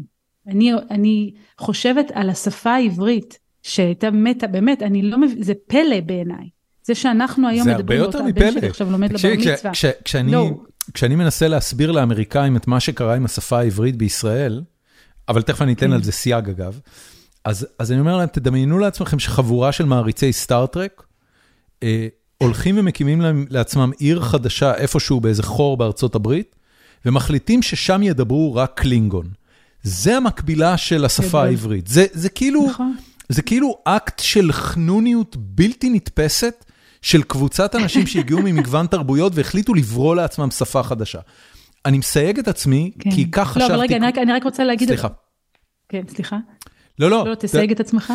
רציתי רק להגיד, עשיתי פרק עם אה, רחל אליאור, עם פרופסור רחל אליאור מהאוניברסיטה העברית, אה, לפני שלושה או ארבעה שבועות, והיא אמרה שהיא לא קונה את כל העניין הזה של תחיית השפה העברית, שהשפה העברית הייתה חיה, קיימת ובשימוש פעיל על ידי יהודים בכל מקום בעולם לאורך כל שנות ההיסטוריה, ובעצם האקט של תחיית השפה העברית הוא לא כזה תחייה, זאת אומרת, זה לא מאפס לאומה כן. דוברת כן. עברית, אלא היה, היה גם לפני עדיין, זה. נכון, ועדיין זה שאני עכשיו עם הבן שלי שלומד לבר מצווה, אנחנו קוראים ביחד את הפרשה, והוא מבין את המילים שנכתבו זה, לפני כל כך הרבה שנים. נכון. זה לא נורמלי, תחייה, לא תחייה, לא משנה, היה, לא נכון, היה, נכון, זה נכון. מדהים. כן. זה דבר מדהים. אז אני מאלה, ודווקא מתוך זה שאני מאלה, אני לא יכולה לסבול את מה שקורה אני כרגע ש... בארץ. אני אשאל אותך בעניין הזה... אני חוזרת עם חשש מאוד עמוק לשם. אני אשאל אותך בעניין הזה את מה שאני שואל אה, אה, רבים מהמרואיינים שלי בימים אלה. האם יש לך בן משפחה, חבר או מישהו שאת בקשר איתו, שנמצא בצד השני של אה, צידוד ברפורמה? התשובה היא כן. מה הם אומרים? הם פשוט, הם לא שותפים לחרדות שלך, הם לא חושבים שזה מהפכה. אני חושבת, מהשיחות הרבות שהיו לי, אני מתרשמת שקודם כל יש תחושה מאוד חזקה הם, בקרב אלה שתומכים ברפורמה, ואני מבינה אותה, שהמערכת המשפטית בישראל משליטה על, עליהם, מבחינתם, ערכים שהם זרים להם, ולא מאפשרת לרוב להתנהל בדרכו, ושזה לא דמוקרטי. אני מבינה את הטיעון, אבל אני גם מבינה את המשפטנים והמומחים שמסבירים שחלק בלתי נפרד מדמוקרטיה זה מחויבות לזכויות אדם. דמוקרטיה היא לא רק הכרעת הרוב, יש בה יותר מאשר הכרעת הרוב. כן. ואם אנחנו הם, רק נקדש את הערך של הכרעת הרוב, אנחנו לצערנו הרב יודעים לאן הדברים האלה יכולים להגיע. כן. אז... הם, לאן מגיעות מבינה, השיחות האלה בינך לבין חברייך מהצד השני? הרבה פעמים לתסכול, הרבה פעמים לתסכול, כי כמו שקורה לא פעם בוויכוחים פוליטיים מהסוג הזה, נתקעים בקיר. נאמרים דברים מהצד השני שאני חושבת שהן עובדות לא נכונות, מזל שהיום יש את גוגל ואפשר להוציא ולבדוק. אבל אחד הדברים הדרמטיים זה שאין אמון גם בשום מקור מידע. זאת אומרת, אם אני אשלוף עכשיו, נגיד, פתאום מידע של המכון לדמוקרטיה ואראה את הנתונים שאני מדברת עליהם, יגידו לי, רגע, אבל הם גם שמאלנים. שמאלנים, כלומר, כלומר שקרנים, כלומר הנתונים הם מוטים. כלומר, מנסים להשליט עלינו את ההגמוניה כן, שלהם. אין, אין אמת והכל מטומטם. עכשיו, אני עצמי, אתה יודע, אני עצמי אה, חצי רוסייה וחצי עיראקית. ההורים שלי, סבא וסבתא שלי, מצד אחד אה, אז את, רגע, אז את ישראל ש... השנייה או הראשונה או... אז, אז זה מה שאני מנסה להגיד. אחד אני וחצי? לא, אני לא, אני חצי חצי, אבל גם, אתה יודע, אין לי, אני הם, מרגישה מאוד פריבילגית בעבודה שיש לי ובחיים שיש לי, ואני יודעת שיש לי הרבה זכויות על אנשים אחרים. נולדתי, ב, נולדתי בבני ברק, דרך אגב. וואו. עברתי, כן, עברתי. אפשר להיוולד בבני ברק? יש שם בית חולים לא, כלומר, הכוונה נולדתי בפתח תקווה, אבל 아, אה, אוקיי. גדלתי בבני ברק עד כיתה ב', אוקיי. גרנו שם. וואו. אמ, סבא וסבתא שלי היו דתיים, אמ, כיפה שחורה, סבא שלי. אמ, ו, ועברנו לכפר סבא, והיו לי חיים מאוד טובים, אבל אני לא חושבת ש... ש אתה יודע, סבא וסבתא שלי היו במעברה מצד אחד, סבא וסבתא שלי האחרים חיו בדירה קטנה מאוד בבני ברק, לא מדובר פה ב... אני ישר מקוטלגת כפריבילגית אשכנזית מתנשאת, לא משנה מה שזה לא יהיה. אפילו אני רואה בטוויטר, מישהו כתב, אפילו מישהו כתב על משהו שאמרתי בהתנתקות, שכמה לא היה לי אה, זכרו. בהתנתקות. וזה, לא, זה היה נורא מעניין, כי אני לא הייתי בארץ בהתנתקות אפילו. זאת אומרת, התגיות שאנחנו שמים על אנשים, כן. והדרך שבה אנחנו מסווגים אנשים בלי בכלל, היא, היא קשה לי. זאת אומרת, זה שהשיח מתרדד... עזבי רגע את ישראל, כי אנחנו את יודעת, אני אני ואת שנינו רואים את זה כרגע מרחוק, אבל אה, האם את מזהה מאפיינים של של החרשות וחוסר הקשב וחוסר הקשב וה, והכל פוזיציה גם באקדמיה האמריקאית, איפה שאת נמצאת כרגע? תראה, קודם כל כאן יש אה, מצד אחד מין אה, אה, חשש כזה בכלל מלהיכנס לנושאים הפוליטיים. זאת אומרת, כולם נורא לא רוצים לפגוע באף אחד ולא לגרום הבנתי. ל... אז לא ידברו על זה בכלל. אז אני לא חוויתי כאן יותר מדי שיחות, אבל גם פה בארצות הברית יש כמובן פילוג מאוד גדול אה, סביב כן טראמפ, לא טראמפ, ואי אפשר אה, להתכחש לזה ש... ואני מבינה גם דרך אגב את הטענות של אנשים שמרגישים גם בתוך האקדמיה הישראלית, שאין מספיק קול מבחינתם לקולות, אין מספיק מקום לקולות שתומכים ברפורמה. אבל אני כן רוצה אה, להקביל את זה למה שקורה למשל עם משבר האקלים. במשבר האקלים יש חבורה של מדענים, שזה המקצוע שלהם, שחוקרים ואומרים, העולם הולך לכדי סכנה קיומית. ועומדים אנשים ומציגים את זה כפוזיציה. מציגים את זה כאילו האקדמיה פה אה, היא סתם ליברלית יפת נפש. וכולנו רואים מה קורה עכשיו למזג האוויר, כן? אני לא יודעת אם, אה, כן, גשם במאי בישראל והטמפרטורות שעולות ומה שזה לא יהיה. אז אפשר להתעלם... את אומרת את זה דווקא מ... בשנה שהיה בה את החורף אחד הקשים בקליפורניה, לא יודע מה, ב-20 שנה האחרונות? ש... אבל זה חלק מההתחממות הגלובלית, כן? שינויים קיצוניים במזג האוויר זה הבנתי. בדיוק אחד הסממנים שמדברים עליהם. אז אפשר לנפנף ידע אקדמי, כמו שעושים למשפטנים. כן, יש משפטנים שהם חקרו ולמדו והקדישו את חייהם ללמוד, להסביר מהי דמוקרטיה. משפט השוואתי, דוגמאות מחו"ל, ואז מנפנפים את זה ואומרים לא, זה, זה כי הם שונאים את ביבי. כן. וזה קשה לי. כי יש כאן אה, פרופסיה, יש כאן מקצוע.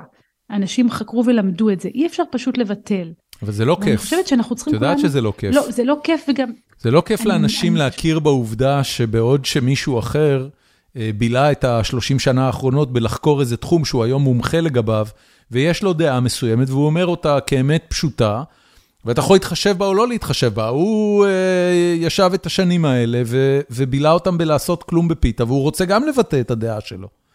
פעם, פעם היה עריכה, פעם היה היררכיה, הסושיאל לא, מדיה מהבחינה הזאת, לוקח את, את, את מה שהיה איזושהי היררכיה מסודרת של תקשורת, ואומר, תקשיבו, לכל אחד יש קול, ומה שקובע זה לייקים ופופולריות, לא מומחיות. כן.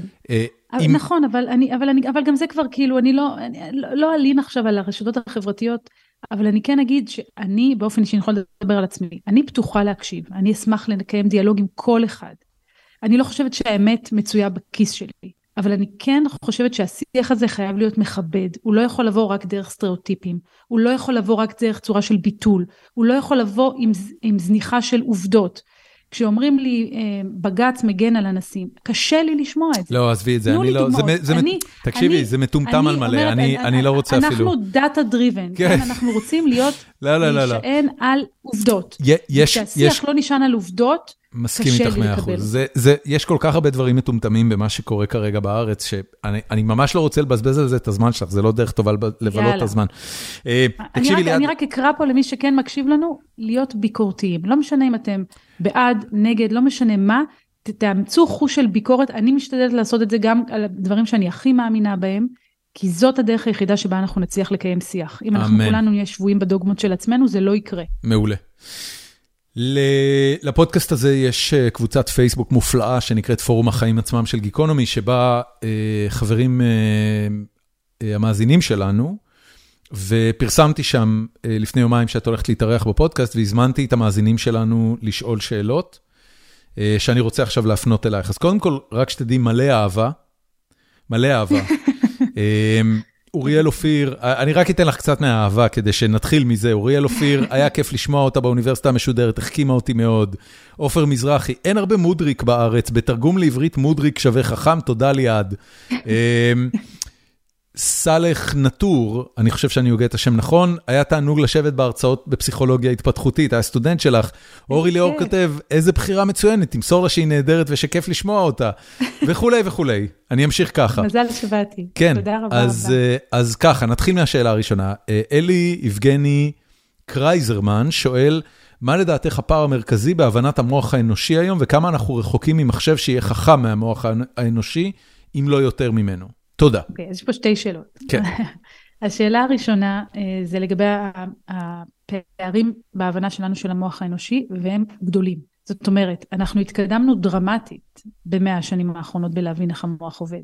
אנחנו יודעים הרבה יותר ממה שידענו בעבר, אבל עדיין אנחנו לא יכולים, אין לנו קריאה של אחד, ואחד, אחד על אחד ממצבי, ממצבי מוח לנגיד התנהגות, חשיבה, תודעה.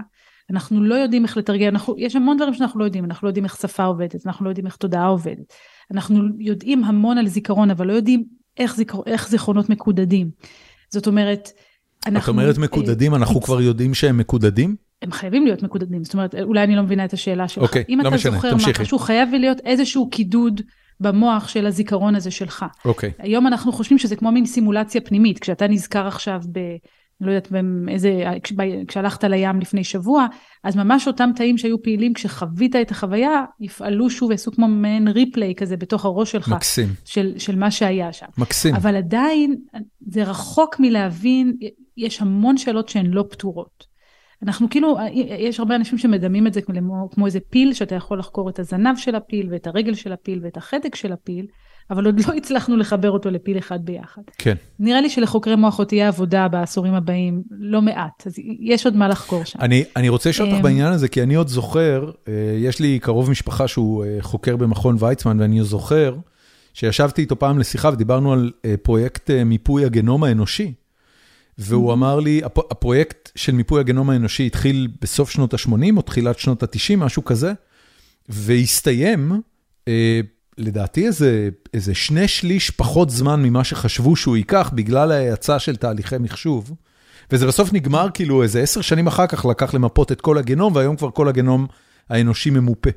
אמ, כשאת מסתכלת על קצב ההתפתחות של חקר המוח, ועושים איזו אקסטרפולציה אל העתיד, יש נקודה שהמדע אומר, תקשיבו, כנראה שייקח לנו עוד 40 שנה למפות את העסק, ואז אנחנו נדע בדיוק ברזולוציה של מילימטר רבוע מה כל אזור במוח עושה?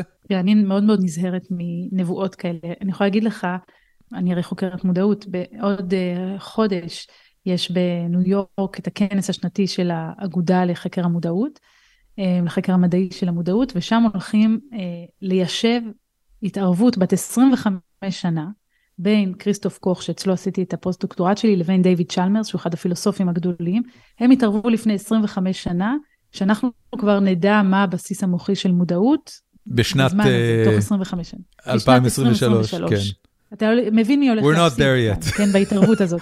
בדיוק. אוקיי. אז אני למדתי את הלקח שלי, ואני לא, אני בטח לא אתן לך אה, שנים וזה. אני כן חושבת שללא ספק ההתפתחות של היכולות החישוביות שיש לנו היום מאפשרת לנו וגם המתודולוגיות לחקור את המוח. אתה יודע, יש היום אה, טכניקה שקוראים לה TMS, שמאפשרת לחוקרים וחוקרות לתת פולס מגנטי, אה, אלקטרומגנטי, שיכול לגרום לאזור במוח להפסיק לעבוד, או לעורר אותו.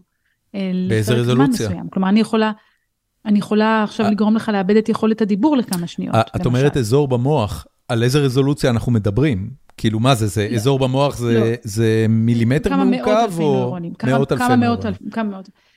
אז, אז אתה יכול היום ממש לעשות ניסויים סיבתיים. כן. יש הקלטות היום מתוך המוח האנושי, נגיד אצל חולי אפילפסיה. יש FMRI שמגיע לרזולוציה הרבה יותר גבוהה ממה שהיא הגיעה. זאת אומרת, היכולת, יש MEG ו-EEG שאנחנו יכולים להקליט, זה כבר הרבה שנים EEG, להקליט את הפעילות החשמלית של המוח. אז יש לנו הרבה יותר כלים ממה שהיה נגיד לחוקרים שלפני בטח 100 שנה, אבל גם 50 שנה ו-30 שנה. אבל אנחנו עוד לא נמצאים כמו שהיינו עם הגנום. עם הגנום לא היינו בנקודה שכבר ידענו לקחת נכון. מקטע ולפרק אותו, הייתה, ורק נכון. היינו צריכים להריץ, את יודעת, אקסטרפולציה לינארית, כדי להגיד כמה ייקח למפות את כל הגנום שידענו מה אורכו. במוח, אנחנו עוד לא במקום הזה, אנחנו אפילו עוד לא יודעים לא. אה, אזור אחד, איך הוא אה, עובד על, על בוריו.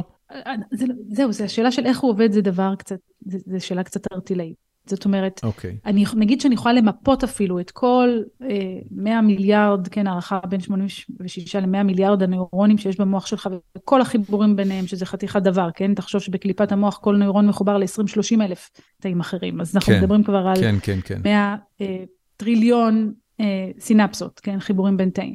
נגיד שהייתי יכולה למדל את כל הדבר הזה, עדיין איך, איזה דפוסים בדיוק גורמים כן, כן, למצב כן. מנטלי. זה גם, זה גם סדר גודל אחר לגמרי מ-DNA, זאת אומרת, נכון. הגנום האנושי, מה, מה גודלו? זה, זה כמה מיליוני גנים או עשרות אלפי גנים? אני לא בטוחה, צריך לבדוק, אני לא רוצה להגיד לך דברים. אה, השאלה השנייה של אלי הייתה, כמה אנחנו, כמה אנחנו רחוקים נכון. ממחשב חכם אה, מהמוח האנושי, אם לא יותר? קודם כל, לא ביכולות לא חישוביות כבר עברנו מזמן, זאת אומרת, ניצחו בשח, ניצחו בגו, מחשבים כבר עוברים את כל נכון, המבחנים המוזרים האלה. תראה, אני לא, אני לא מדענית מחשב, אבל ממה שאני מדברת עם חוקרים וחוקרות ממדעי המחשב, היכולות כרגע של AI יש להן, יכול להגיע לאינטליגנציה מאוד גבוהה, אבל זה בדרך כלל לא מוכלל. זאת אומרת, התוכנה אלפא גו שיודעת לנצח אותך בשח, לא תצליח להבין משפט, כי היא לא מדברת. היא לא תצליח לפתור בעיה בחשבון בהכרח. זאת אומרת, אחד הדברים המדהימים באינטליגנציה האנושית, זה היכולת להכליל למצבים חדשים והגמישות שלה. לנו יש מה שנקרא אינטליגנציה כללית. אוקיי. Okay. אנחנו לא מתמקצעים רק בתחום אחד. כן. Okay. והשאלה היא האם יצליחו ליצור AI שיש לו את יכולות האינטליגנציה המוכללת הזאת, שיש למוח האנושי, זאת, שאל, זאת שאלה אחת. שאלה שנייה, ה-AI, GPT, הוא נחשף לשפה בהיקפים שאף מוח אנושי לא נחשף אליה. תינוקות בני שנתיים, שלוש, נחשפים להרבה פחות מידע לשוני ומצליחים לדבר, אה, לא כמו GPT בגיל שלוש, כן, אבל מצליחים לדבר לא רע בכלל. זאת אומרת, המוח האנושי הוא צורך פחות אנרגיה, כן. הוא צריך פחות דאטה, והיכולות שלו הרבה יותר מוכללות מאשר של הבינה המלאכותית היום.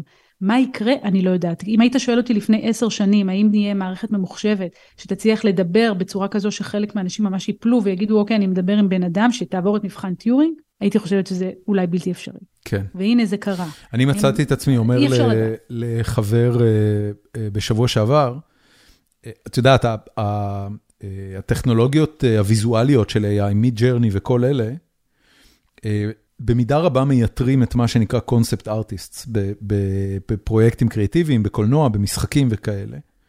ואני בחיים לא הייתי מנחש שקונספט ארטיסטס יהפכו למיותרים לפני נהגים. זאת אומרת, תמיד היינו בטוחים שאנחנו צעד כפסע מנהגים שכבר לא... אמ, וציירים, את יודעת, עכשיו כבר יש מכונה שיודעת לעשות... קיצור, זה מדהים. טוב, אה, גבי וייסקופ שואל, מהי החזית המדעית כיום ביחס להבנת התודעה? אה, אני לא בטוח שאני מבין למה הוא מתכוון בהחזית המדעית, אבל אולי הוא מתכוון לקונצנזוס? אני חושבת שהוא שואל מה המחקר העדכני שקורה כרגע, מה, מה, מה okay. אוקיי. האתגרים שאנחנו רוצים אה, לפרוץ. אז דיברתי כאן קודם על מציאת מבחן למודעות, זה דבר אחד. אוקיי. Okay. אבל דבר אחר, וזאת השאלה שאנחנו כל הזמן מתעסקים בה, זה להסביר איך פעילות מוחית מולידה חוויה מודעת. ואחד הדברים שהתחום התכנס אליו בשנים האחרונות, זה לבחון תיאוריות. כי יש הרבה מאוד תיאוריות של מודעות, ובמקום להתכנס לתיאוריה אחת, פשוט כל פעם מישהו מציע עוד תיאוריה ועוד תיאוריה ועוד תיאוריה, ואנחנו לא מצליחים להכריע ביניהן. אז אחד הדברים שאנחנו עושים, ולשמחתי יש לי הכבוד והעונג להיות אחד משלושה חוקרים שמובילים את המהלך הזה, אה, זה ניסיונות להכריע בין תיאוריות של מודעות. ואנחנו ספציפית, הזכרתי קודם את ה-Global Neuronal Workspace, אנחנו מנסים להנגיד בינה לבין תיאוריה אחרת שנקראת Integrated Information Theory. אה, כל אחת מהן מציעה הסבר אחר לבסיס המוחי של המודעות. ואנחנו במהלך מאוד גדול שיש בו 11 מעבדות בכל העולם שמשלבים גם FMRI שזה אה, הדמיה באמצעות מגנט, גם MEG שזה אה, מתחכה אחר הפעילות החשמלית של המוח וגם אה, ECOG שזה אפשרות להקליט מתוך המוח בחולים. אז אנחנו בסוגים שונים של מידע עם הרבה מאוד נבדקים עושים מבחן ודבר נחמד פה והזכרת קודם את קהנמן אנחנו הולכים על שיטה של מה שנקרא adversarial collaboration, זאת אומרת שיתוף פעולה בין יריבים. שני החוקרים שהציעו את התיאוריות האלה יושבים יחד איתנו ומנסים לחשוב על ניסויים שיבחנו את התיאוריות שלהם. ומראש הם מצהירים, אם זה יוצא, אני טועה. אם התוצאה האחרת יוצאת, אני טועה.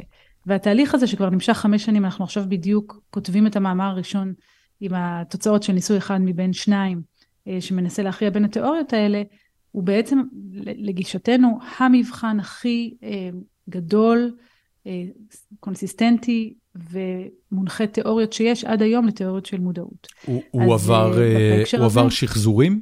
זאת אומרת, הצלחתם להעביר... הדרך שבה אנחנו עושים את זה, זה שאנחנו, קודם כל פרסמנו כבר את כל התחזיות של התיאוריות האלה, ואנשים כבר אפילו השתמשו בהם כדי לבדוק על הדאטה שלהם, חלק מהתחזיות האלה. ואז לקחנו שליש מהדאטה, עבדנו עליו כדי לבדוק את ההשערות האלה, פיתחנו את שיטות האנליזה שלנו, ואז עשינו מה שנקרא pre-registration, רשמנו את כל התוכניות שלנו לאנליזה, פרסמנו אותם גם, ואז בדקנו את זה על שני השליש האחרים של הדאטה. אז בעצם יש לנו פה רפליקציה, שחזור בתוך הפרויקט, מהממצאים הראשונים שקיבלנו לממצאים השניים, וגם כל אחת מהטכניקות שהזכרתי נבדקת בשתי מעבדות. אז יש לנו גם סוג של רפליקציה בין שתי אוכלוסיות, אחת נגיד בסין ואחת באנגליה. אה, אז התוצאות שלנו אמורות להיות כאלה שהן מספיק חזקות כדי להימצא על פני אוכלוסיות שונות, על פני אה, סאמפלים אנחנו קוראים לזה, זאת אומרת דגימות כן, שונות דגמים. של הדאטה. אמ, יפה. כן, אז אנחנו מאוד נרגשים מהפרויקט הזה. אה, ייש, ייס חי, שואל, עד כמה הקושי בלהגיע לתוצאות פורצות דרך אה, בתחום חקר המוח, קשור לנושאים לוגיסטיים, מעבדות לא גדולות או מפותחות מספיק וכולי, האם זה משהו שצפוי להשתנות לדעתך? אז תראה, כבר אפילו הפרויקט הזה שתיארתי כאן, זה מין הבנה שכדי לענות על שאלות מאוד גדולות, אנחנו צריכים... כולם לעבוד גדולה. ביחד, כן. כולם לעבוד ביחד. עכשיו, בין השאר הזכרתי כאן את כריסטוף קוך, אה, הוא חוקר, אחד מהאבות המייסדים של התחום הזה. זה של חקר התודעה, הוא עזב את קלטק, שזה אחד המוסדות הטובים בעולם, בשביל להקים מכון מחקר, מכון מחקר פרטי, אמ, מכון אלן, אמ, ו, ושם יש מאות מדענים שעובדים ביחד כדי למצוא תשובה לשאלות של איך עובד המוח, בעכברים הם, הם, הם, הם חוקרים את העניין הזה. נשים רגע את השאלה של ניסויים בבעלי חיים בצד, אם תרצה אפשר לחזור לזה אחר כך, אבל הרעיון כאן הוא שהוא חושב במונחים של המהפכה התעשייתית במדע.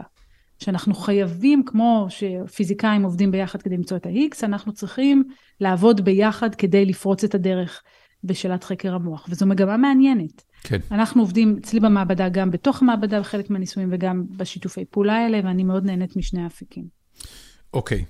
אמ, סאלח נטור, שישב בהרצאות הפסיכולוגיה ההתפתחותית שלך, שואל, למה לדעתך האקדמיה מאבדת הרבה חוקרים לתעשייה לאחרונה, אה, למשרות בתחום מחקרם או למשרות שעוסקות בדאטה, בסוגריים לפחות מהחוויה שלי, ואיך האקדמיה אמורה להשתפר על מנת שתישאר אטרקטיבית עבורם?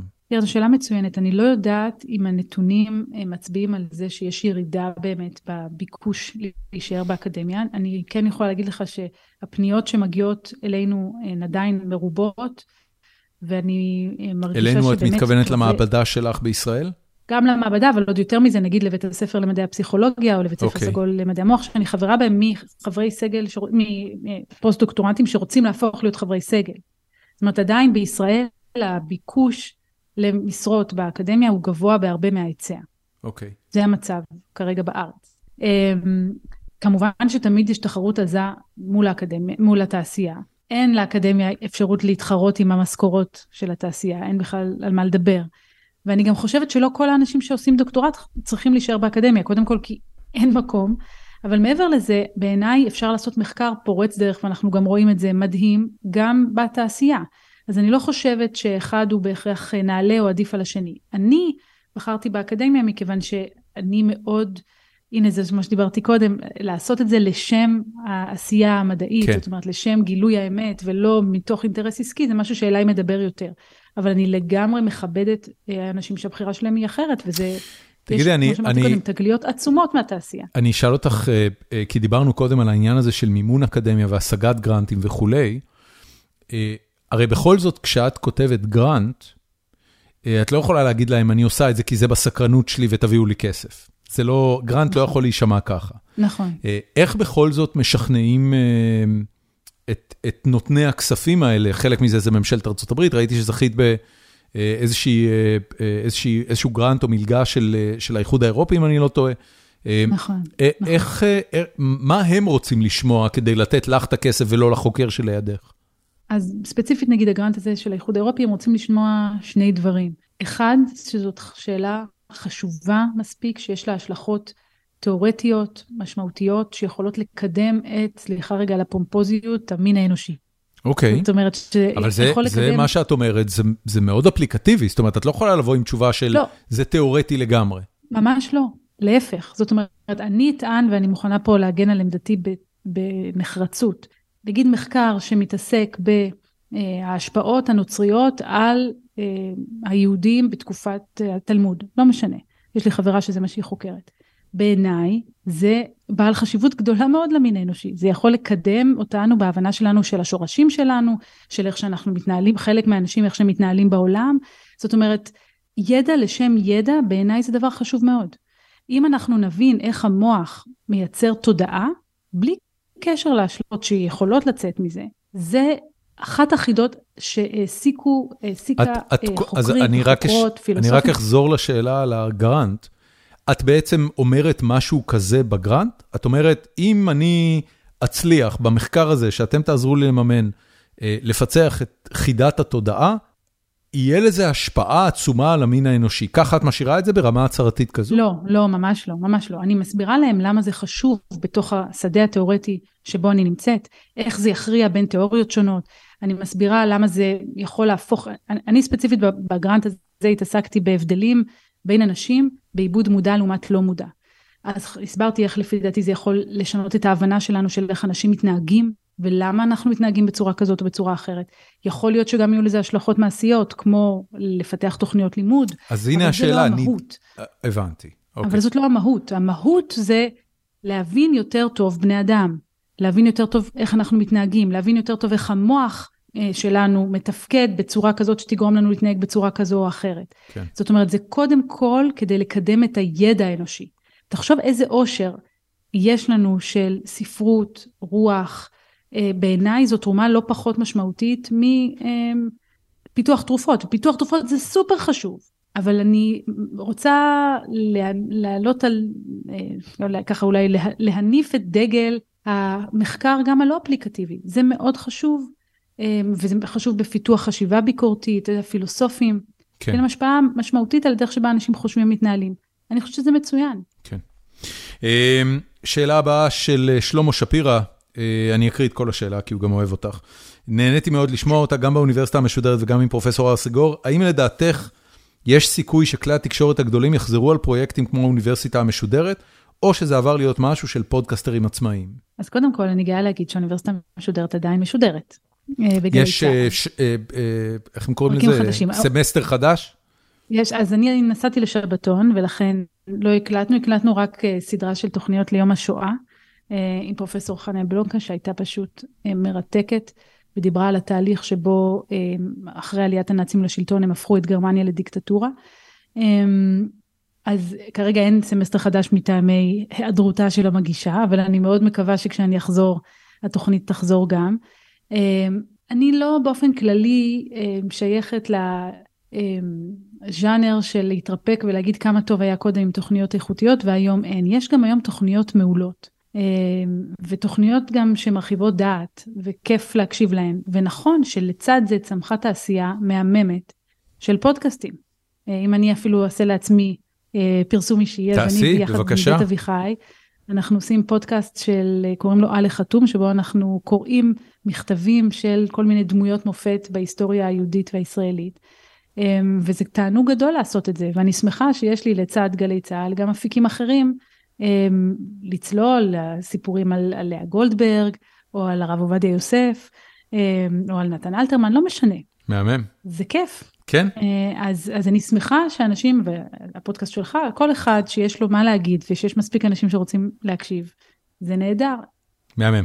אה, ליאור מנור, אה, את יודעת מי זה ליאור מנור? מהמם, שואל, אה, מה דעתך על. כל ה... כן, הוא לא קוסם. כן. הוא לא, הוא אמן אשליות, אם אני לא טועה, ככה הוא מגדיר את עצמו, הוא. מנטליסט. אה, מה דעתך כן, על כל האורי לא התכוונתי גלרים? חס וחלילה, כן, כן, כן. אה, מה דעתך על כל כל האורי גלרים שעובדים על מדענים? מדוע המדענים לא פונים לקוסם שיפקח על הניסויים מההתחלה? אה, אז קודם כל אני רוצה להגיד לך שפה בשבתון שאני נמצאת, אחד מהאנשים במעבדה הוא קוסם, אולי בגלל זה אמרתי קוסם, האמת שהוא מנטליסט גם, אבל אוקיי. הוא היה גם קוסם, הוא היה קוסם הצבאי אפילו, הוא היה בת- הוא ישראלי. אה, ויש מחקרים מאוד מעניינים שאפשר צבאי? לעשות ונעשה. זה כן, תפקיד כזה אמיתי? יש- יש קוסם צבאי? מה, בחיל חינוך כאילו? לבדר את. החיילים? צריך לשאול את אה, ראש אגף החינוך, אני לא יודעת להגיד לך אה, בדיוק איפה. הוא נמצא. יש הכל בצד. אה, ראש אכ"א נראה לי אחראי על זה. קוסם צבאי. אבל זה, הרי, הרי יכול להיות שהמנטליסטים הם באמת קוראים מחשבות, אבל גם יכול להיות שהם משתמשים בכל מיני דברים שגם אנחנו מכירים, כמו קשב, כמו מה שנקרא פריור, זאת אומרת ביכולת שלי ליצור, אצל, לשתול אצלך התרמה, לשתול אצלך איזושהי מחשבה שאחר כך אני אוכל לקרוא אותה. אמ, אבל יש מחקרים מאוד מעניינים שגם קורים בדבר הזה. לי עצמי לא יצא לעשות מחקר שמערב אה, אה, קוסמות, הוא אמר קוסם בשאלה שלו, נכון? כן. אמ, אז שמערב קסם, אבל אה, כמו. שאמרתי קודם בתור, אה, אני רוצה- אני והילדים מאוד אוהבים הארי פוטר, אז אני בכיף מוכנה. כן, אני גם זורם עם זה. גם סטאר וורס. אני רוצה נכון. לשאול אותך בהמשך לעניין הזה, אני ואשתי נחשפנו בחודש האחרון לאיזה ריאליטי, אני חושב בנטפליקס, אבל אולי בהולו, לא משנה, על מישהו שמתקשר, אה, מתקשר, מהמם. והוא נפגש עם אנשים שאיבדו יקירים בכל מיני נסיבות, ועושה להם תקשור, ומביא להם From the Great Beyond, אה, כל מיני סיפורים ודעות ו- ומחשבות, וזה היה ככה וזה היה ככה וכל מיני דברים כאלה. התוכנית כמובן מוצגת בצורה חיובית, זה, זה מביא להם המון נחמה, הם בוכים, מתרפקים, אה, מתייפחים וכולי. אני רוצה רק לשאול אותך, האם יש באיזושהי צורה, באיזשהו מחקר מדעי שאת יודעת עליו, האם יש משהו שמשתייר אחרי מותו של אדם? לא חקרתי את זה, אז אוקיי. אני לא יודעת להגיד לך. ואני לא רוצה סתם להגיד דברים שאני לא בקיאה בהם. אבל ממה שאני יודעת, ממה שאני מכירה, לי אין בסיס להניח שזה קורה. זאת אומרת, אני לא מצפה, אני לא מצפה אחרי מותי להתגלגל באיזושהי צורה לעולם הבא או לגוף אחר. אמ, יכול להיות שאני אגלה שטעיתי. זאת תהיה דרך את- אגב את מקווה? חוויה מדהימה. את מקווה שתגלי. שטעית? לא, לא, אני טוב לי עם העצמיות שלי והגשמיות שלי, ואני מקבלת בהכנעה את זה שימיי על העולם הזה קצובים, ואני משתדלת לעשות מה שאני יכולה בזמן שניתן לי. אמ, אבל אה, אז, אז אני לא יודעת להגיד לך, אני לא יודעת להגיד לך לגבי עדויות מחקריות. אוקיי.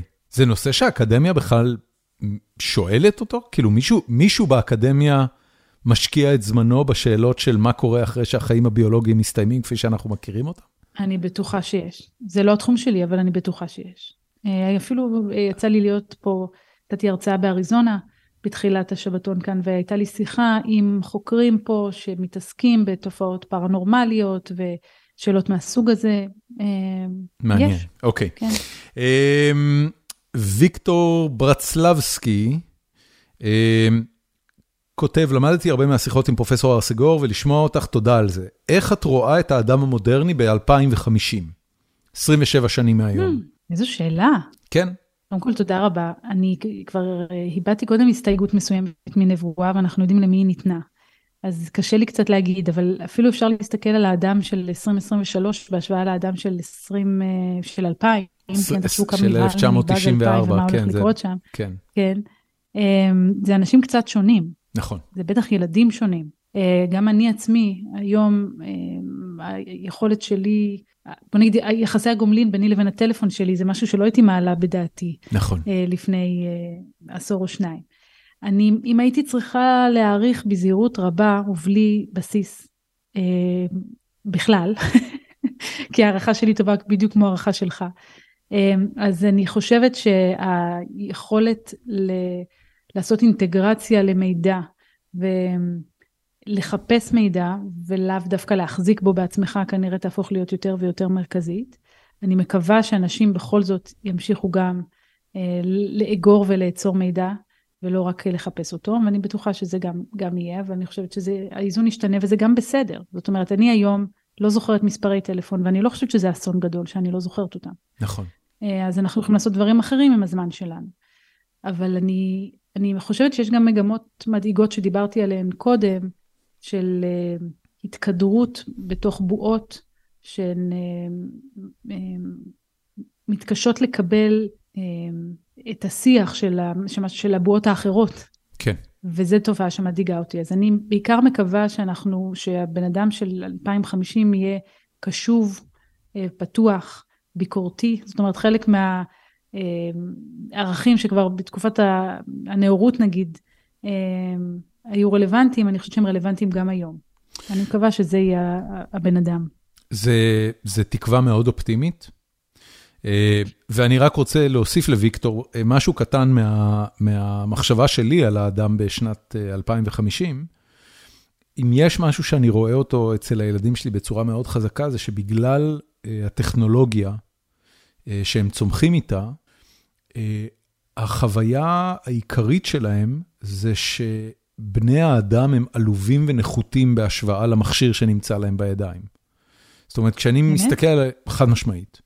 כשאני מסתכל על הילדים שלי, הטלפון שהם מחזיקים ביד הוא יותר קשוב, יותר מבדר, יותר זמין רגשית, מגיב יותר מהר מכל מבוגר שנמצא בחיים שלהם, כולל מורים וכולל הורים. הם עדיין מבינים שהעולם הוא בסופו של דבר עולם של בני אדם, אז הם חייבים בני אדם, אבל... אבל אתה לא מרגיש שזה גם, אני רגע שנייה מקשה עליך, אתה לא מרגיש שזה אבל גם הכלי שלהם ליצור קשר עם בני אדם אחרים? זאת אומרת, חלק גדול מזמן שילדים מבלים בטלפון או על המסע. זה בתקשורת. הוא גם ב, בתקשורת, בלהסתכל באינסטגרם, כן, לשחק משחקי וידאו ביחד. כן, חד משמעית. כן. זה לא, זה לא רק זה... הטכנולוגיה, אבל, אבל תחשבי רגע, תחשבי רגע על מערכת היחסים, תדמייני רגע את המוח של ילד.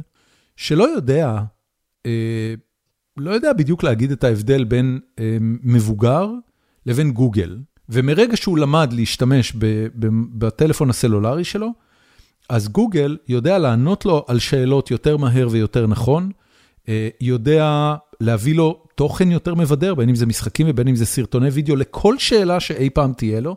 זאת אומרת, אני, אני ואת גדלנו בדור שבו information retrieval, כאילו השגת אינפורמציה, הייתה מבוססת על ההיררכיה הבאה. קודם כל הולכים שואלים את המבוגרים בחיים שלך, מורים מורים, לאחר מכן, אם הם לא יודעים, אנציקלופדיה, לאחר מכן ספרייה עירונית, וזהו. שם זה פחות או יותר נגמר. אצל הילדים שלנו, הם גדלים היום בסיטואציה שההורה הוא אידיוט, המורה הוא אידיוט, אה, המכשיר הזה, גוגל, ועכשיו צ'אט GPT בכלל לוקח את זה to the next level, עונה בצורה מדויקת יותר, מפורטת יותר ומהירה יותר, מכל גורם information retrieval שיש לו בסביבה. תחשבי מה הדבר הזה עושה לאנשים בעוד 50 שנה מהיום. אז, אז אני קצת פחות שותפה לתחושה הזאת, זאת אומרת, אני, מרגיש, אני מסכימה לגמרי שיש פה השפעה דרמטית על הדרך שבה הילדים שלנו חושבים. אני לא חושבת שכל ההורים, כל המורים אידיוטים בעיניהם. אני לא חושבת שהתפקיד ההורי שלה, שלנו מסתכם בלתת להם תשובות. אני חושבת שמה שאנחנו יכולים לעשות ושהמחשבים לא עושים, זה, אמרתי קודם, זה ללמד אותם לחשוב ביקורתית, זה לאמץ כן, אותם עם הדברים שהם לא בטח. מחפשים. שהם לא מחפשים, זאת אומרת, לתת להם את הצד השני של המטבע. אבל, אבל עכשיו אני... אני, אני כן מוטרדת מאוד, ואני אגיד לך דבר אחד, הבת שלי הקטנה תמיד אומרת שהיא נורא מצטערת על זה שאימא שלה חוקרת מוח, כי אני אימא רעה מאוד בכל מה שקשור למסכים. אני מאוד חוששת מההשפעה של כן, מסכים כן, על, כן, על כן, התפתחות כן. המוחית, ויש מחקרים שמראים בטח. את זה. בטח. יש גם מחקרים שטוענים שאין.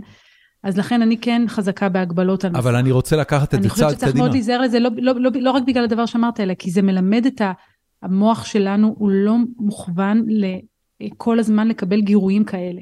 וברגע שהוא לומד שזאת הדרך הנכונה לקבל גירויים שנדלקים ומשחררים לנו את הפרצי דופמין, או מה שזה לא כן. לא יהיה, שנותנים לנו חיזוק, אז אחר כך לשבת ולהקשיב למישהו מדבר במשך עשר דקות, זה קשה מאוד.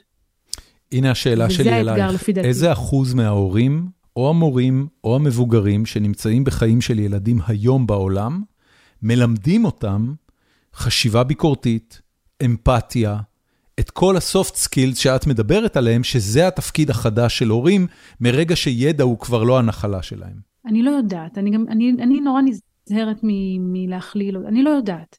אני חושבת שהרבה מאוד הורים מלמדים את הילדים שלהם דרך modeling איך להתנהג. זאת אומרת, גם אם לא תלמד אותו אמפתיה בקטע הדידקטי של הנה עוד בני אדם, אם אתה בעצמך מתנהג בצורה אמפתית, אז הילדים שלך ילמדו להיות אמפתיים. עכשיו תשאל אותי כמה מהאנשים מתנהגים בעצמם בצורה אמפתית, אני לא יודעת להגיד לך.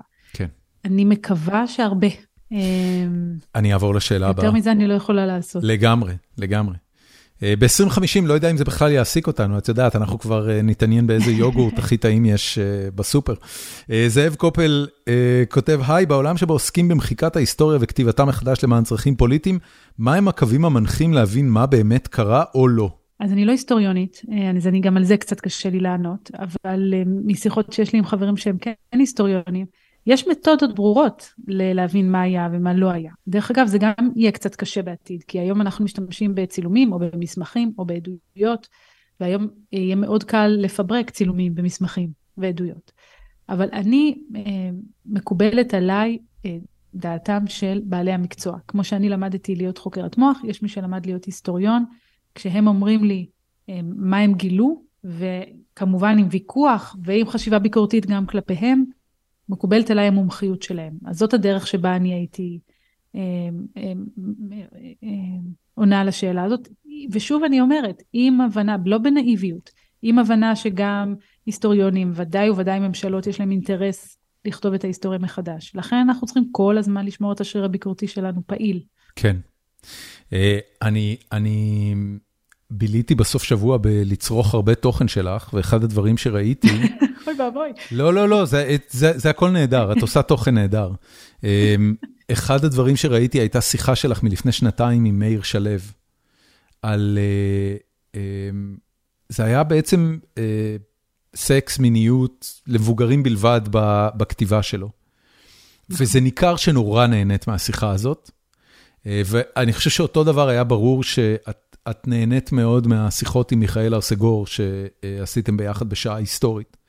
אה, כן. אני רוצה לשאול אותך אה, לגבי פרופסור ארסגור, זיכרונו לברכה צריך להגיד, אה, האם היה משהו בצורת החשיבה שלו, או איזה עיקרון מנחה לחיים, שלקחת ממנו להמשך החיים שלך? בדיוק את מה שאמרתי הרגע על חשיבה ביקורתית. אוקיי.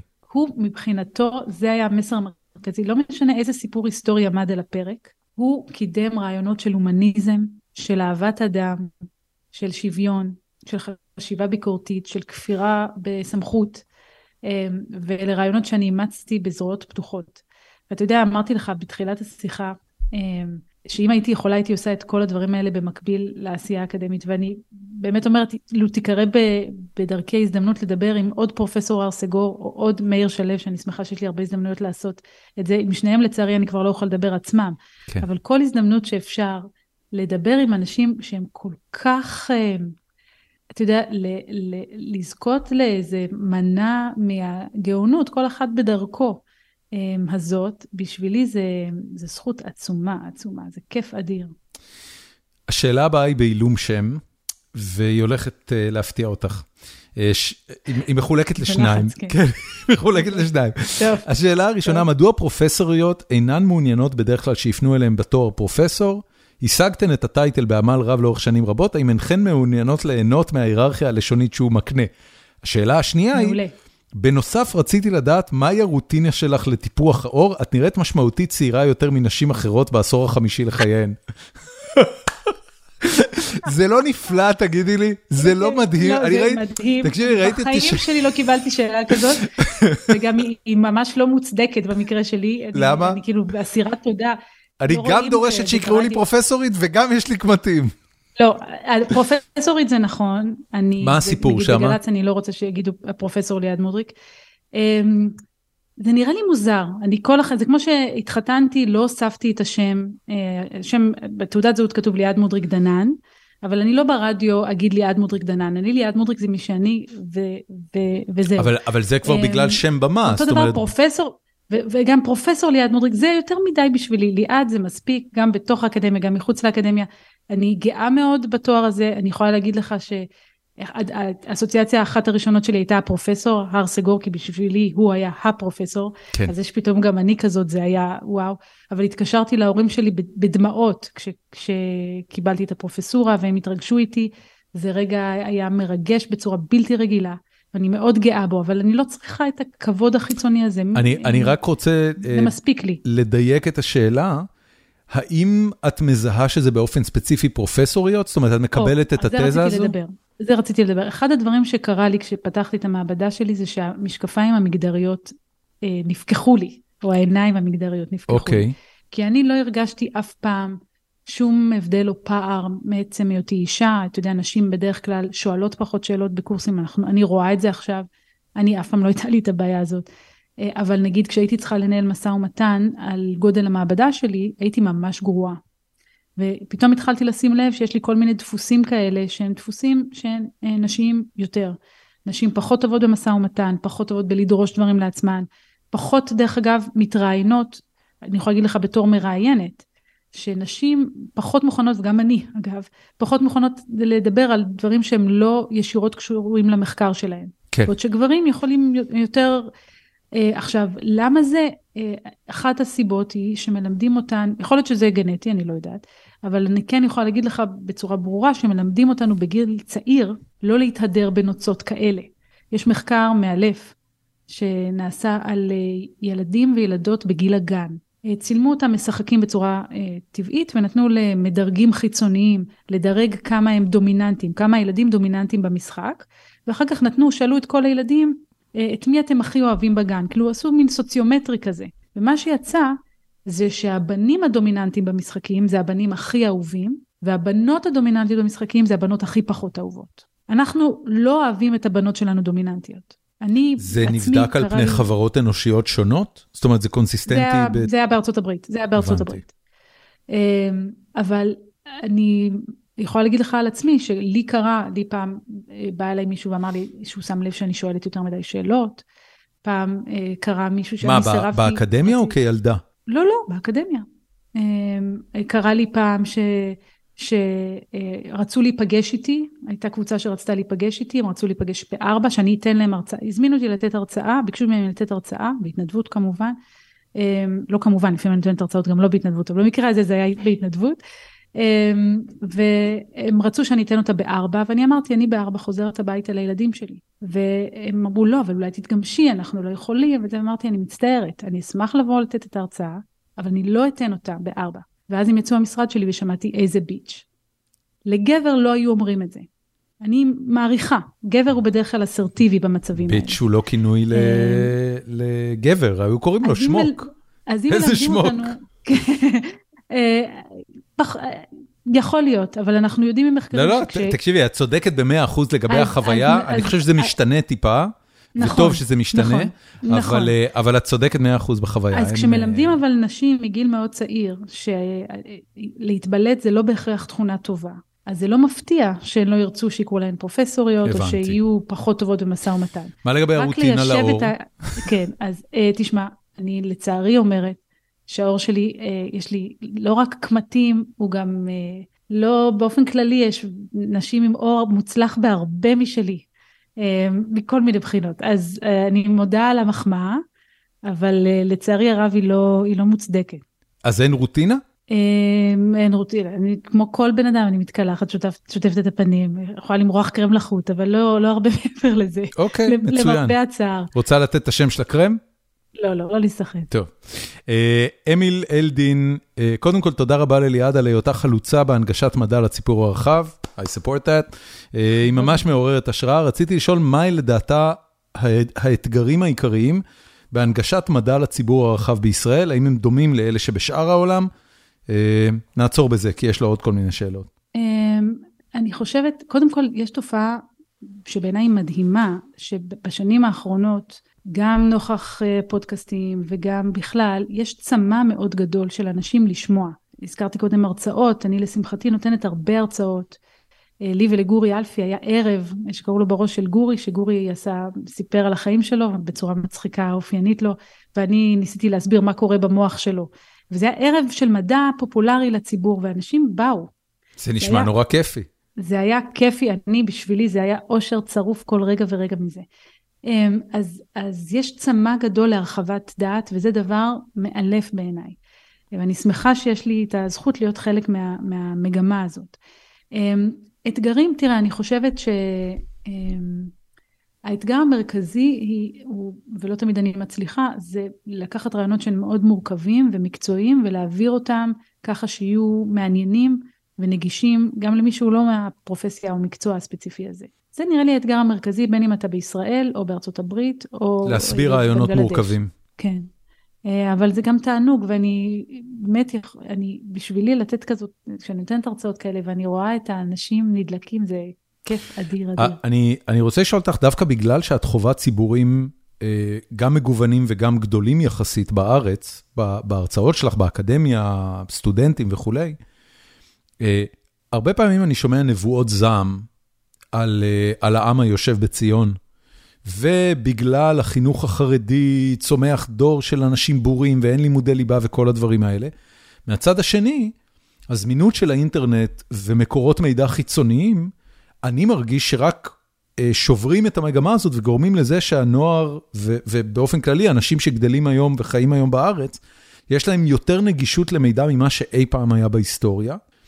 האם החוויה שלך היא שמדינת ישראל הולכת אחורה ברמת ההשכלה שלה או קדימה? תראה, אני, שוב, כמו שאמרתי כמה פעמים בשיחה הזאת, אני לא רוצה להגיד, וגם, וגם ניסיתי להזהיר מזה, אז לכן אני מרגישה בנוח. אני לא רוצה לדבר כשאין לי עובדות. אני אוקיי. לא יודעת להגיד לך אם רמת ההשכלה בישראל עלתה או ירדה. אני אוקיי. יודעת להגיד לך שני דברים. שאלת אותי על החברה החרדית, לא מזמינים אותי לתת הרצאות בחברה החרדית. אוקיי. אני אשמח מאוד להרצות בפני בני נוער חרדים. אני חוששת שהיותי אישה יהיה בעייתי לחלקם, אבל היו לי כבר אינטראקציות גם עם רבנים ונהניתי מהן מאוד. את חושבת ואני- שיש בתחום העיסוק שלך איזושהי בעיה הלכתית? אני חושבת שכל אדם בר דעת צריך להיות מסוגל לאתגר את עצמו גם בדעות ונתונים שלא תואמים לתפיסת עולמו. זה כמו ששאלת אותי קודם על, על מה קורה אחרי המוות. אני לא מאמינה שיש כזה דבר, אני גם לא מאמינה בקריאת מחשבות, ועדיין אני אשמח מאוד לשוחח עם מי שמאמין בזה ושיסביר לי למה אני טועה. אוקיי. אמ, ואני אשמח מאוד לדבר גם עם, עם כל מי שירצה לשמוע. אה, אז זה, זה דבר אחד. דבר שני, אני יכולה להגיד לך, הסטודנטים בישראל היום שאני עובדת איתם, הם טובים בצורה בלתי רגילה. אני נמצאת עכשיו בארצות הברית, אני לא רואה שהסטודנטים כאן הם טובים יותר, על אף שהבחירה היא הרבה יותר גדולה. יש לנו כוח אה, אה, אנושי מדהים בישראל. מהמם. אנחנו צריכים מאוד להיזהר לא לקלקל אותו. כן. וכאן אני חושבת שההשקעה בידע, בחינוך, בחשיבה ביקורתית בפעם ה-20 אלף, כן. זה משהו שאנחנו צריכים לשמר, ומפחידות אותי המגמות שהולכות נגד זה. יפה.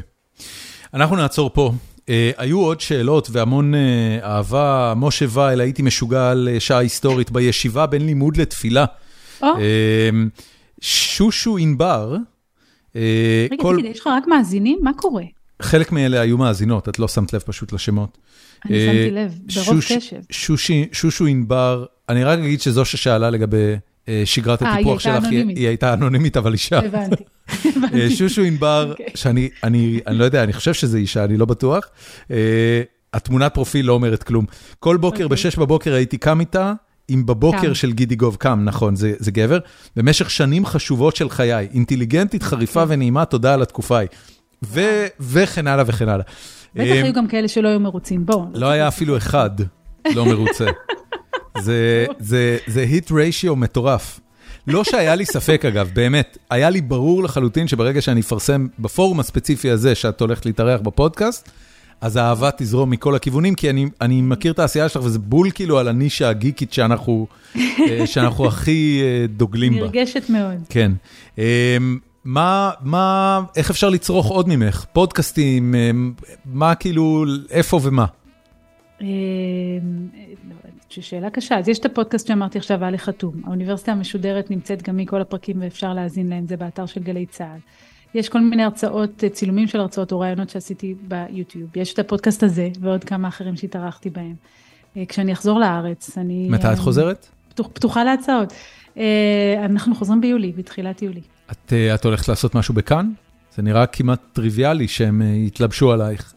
לא, לא, כרגע אין לי שום תוכניות, יש לי תוכניות לחזור למעבדה ולהחזיר את העניינים, אני עדיין המשכתי לעבוד איתם כמובן כל הזמן הזה מכאן, ואני אומרת שוב, אם יבואו הצעות מעניינות שאני אשמח לעשות, אז אני תמיד תמיד אשמח לקבל, וזה באמת כיף גדול. אבל צריך לראות, מה, לאן, לאן, ייקח, לאן ייקחו אותי החיים, כן. אני לא יודעת. ליעד מודריק, המון המון המון תודה על, ה, על, תודה על הפרק הזה. תודה לך על הפרגון המתמשך. אה, מגיע לך הכל. אה, וחזרה נעימה לארץ. תודה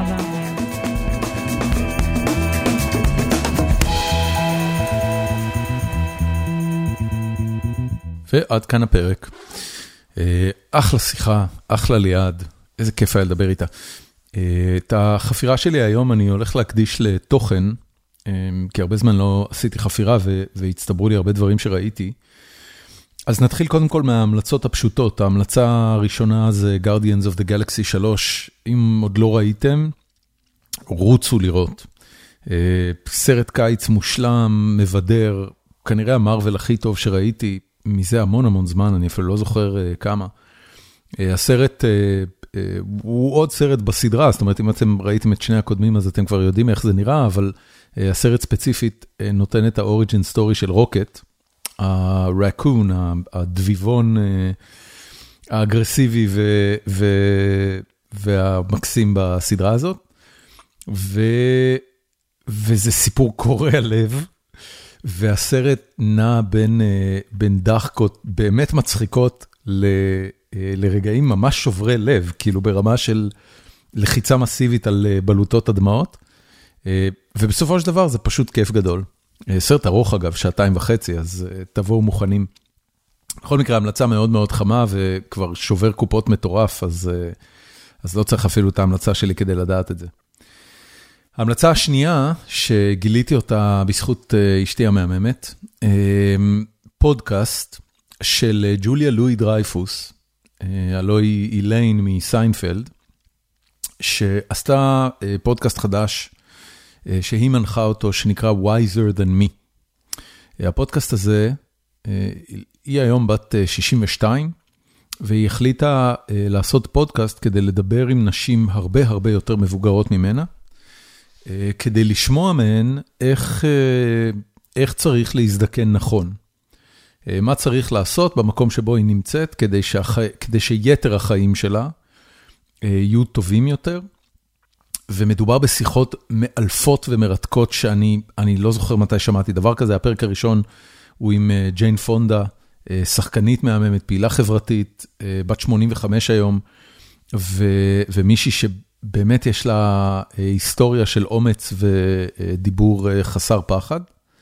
ובהמשך, עוד ועוד פרקים של נשים, כולם בשנות ה-70 וה-80 לחייהם, כולן מספרות בכנות גמורה.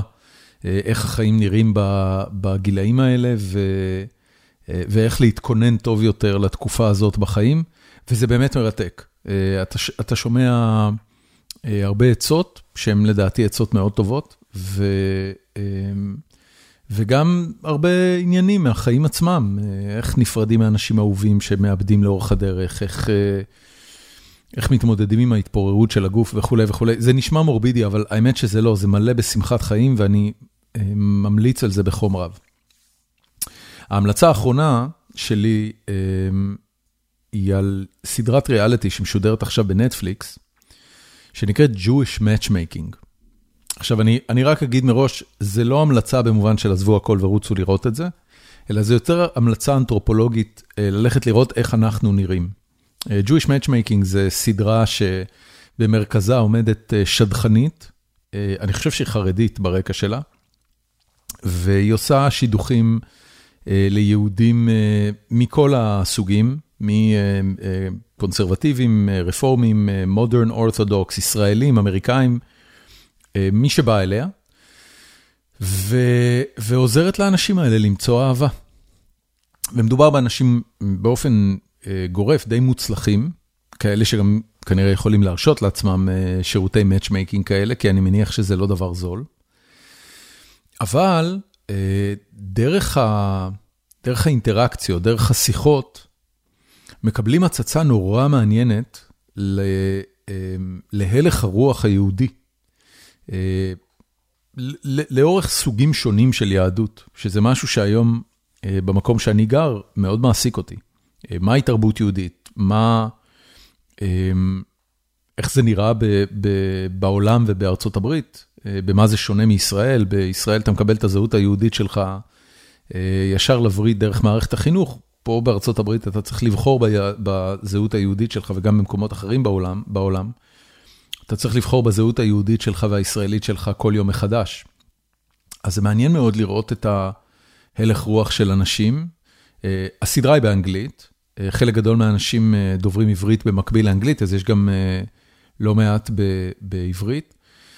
אבל באופן כללי, זה מעניין מאוד לראות את האנשים, איך הם מתנהלים מול זוגיות, איך הם מתנהלים מול זוגיות, מול היהדות שלהם.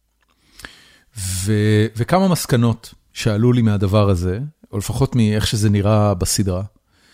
הדבר הראשון זה שבניגוד להרבה סדרות ריאליטי היכרויות, וראיתי הרבה כאלה, אה, האנשים בסדרה Jewish Matchmaking הם, אה, הם הרבה יותר חרדים, אה, ואני מתכוון ל-anxious, לא לחרדים דתיים. הם הרבה יותר חרדים מכל קבוצה אחרת של רווקים או רווקות שאי פעם ראיתי בסדרות האלה. הם, הם, הם מראש באים נורא נורא סקפטיים, יש הרגשה מאוד חזקה של התאכזבתי כל כך הרבה, גם הפעם אני הולך להתאכזב, והטונים וה, המרירים האלה, או ההכנה לאכזבה הזו, היא משהו שמלווה את הסדרה לכל אורכה. ממש מרגישים את זה בשיחות, בניואנסים, באיזה שאלות נשאלות, בין כמה אני נראה לך, אה, מוכנים לאכזבה, בהכל. דבר שני, אה, צריך להגיד בכנות, יחסית לסדרות matchmaking אחרות שראיתי, אה, הודים, לא יודע מה, כל מיני וריאנטים אמריקאים או אירופאים כאלה ואחרים, היהודים לא יפים במיוחד. זה, סליחה שאני אומר את זה, זה אולי, זה אולי קצת אנטישמי, או אוטו-אנטישמי, אבל לא מדובר באנשים יפים. עכשיו, יכול מאוד להיות שהיהודים היפים, אה, מתחתנים בלי בעיה, ולכן הם בכלל לא מגיעים למצב שבו שוקלים לעשות תוכניות matchmaking, אה, בניגוד לתוכניות matchmaking אחרות, או לתוכניות אה, שידוכים אחרות, שבהם אנשים מאוד יפים אומרים, יאללה, על הכיף שלי נבוא נתפרסם בתוכנית. אבל, אבל באופן גורף, לאורך כל התוכנית, רוב האנשים בממוצע פחות יפים. יש כמובן יוצאים מן הכלל, יש שניים, שלושה חתיכים ואנשים באופן אה, גורף יותר יפות מהגברים. אה, אז זה הדבר השני. והדבר השלישי, זה נראה נורא קשה. יש אה, תחושה שמכונה קרינג' של, ה... האי נעימות שאתה חש כשאתה רואה משהו מוצג בפניך שהוא, שהוא לא נעים או קשה או מאתגר או, או סתם סיטואציה שאתה לא היית רוצה להיות בה. אמ, או מביך, או, או, או, או לא מותאם חברתית, ו, והסדרה הזאת היא באמת קרינג' אחד מאוד גדול, עם הבלחות פה ושם של חמלה אנושית ורגעים יפים. יש שם אנשים שמוצאים אהבה, השדכנית המנחה של התוכנית היא אישה מלאת שמחת חיים ואופטימיות ופרקטיות, והיא ממש כיף לראות אותה. אבל באופן כללי, כל, כל מה שאני מנסה להגיד בדקות האלה זה שכדאי לראות את הדבר הזה רק בשביל החוויה האנתרופולוגית של איך אנחנו מסתכלים על בני עמנו מישראל ומהתפוצות, ואיך זה גורם לך להרגיש.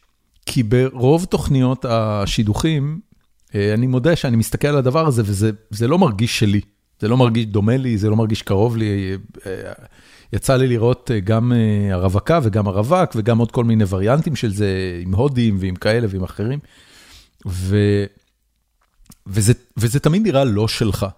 זה, זה נחמד, זה מעניין, זה אפילו מבדר, הרבה פעמים זה מצחיק, אבל זה לא שלך, זה לא קרוב אליך, זה לא דומה לך. פה זה ממש ממש דומה לי. ו, ובנסיבות אחרות ובמסלול חיים אחר, לגמרי הייתי, הייתי אחד מהאנשים שמחפש אהבה ככה. אז, אז זהו, אז זו המלצה נורא כיפית וחמודה, ו, ואני גם אשמח לשמוע תגובות על זה, זאת אומרת, אם, אם ראיתם שם משהו אחר, או אם הרגשתם משהו אחר, אז... שלחו לי הודעה, זה מסקרן אותי, כי כי אני לא באמת יודע אם אני היחיד שחווה את זה או לא. אגב, אני יושב ורואה את זה עם אשתי, והיא מבסוטה לאללה, כאילו זה זה כיף לה נורא לראות את זה, אז אולי זה באמת עניין של איך אני עם עצמי. זהו, אה, אין לי משהו להוסיף בחפירות האלה, קורים מלא דברים אה, אה, קשים ולא נעימים אה, בישראל ובעולם. סליחה, ו, אה, ואני לא רוצה לבאס אף אחד. אז, אז נסיים בזה הפעם. תודה רבה על ההאזנה, נתראה בפרק הבא.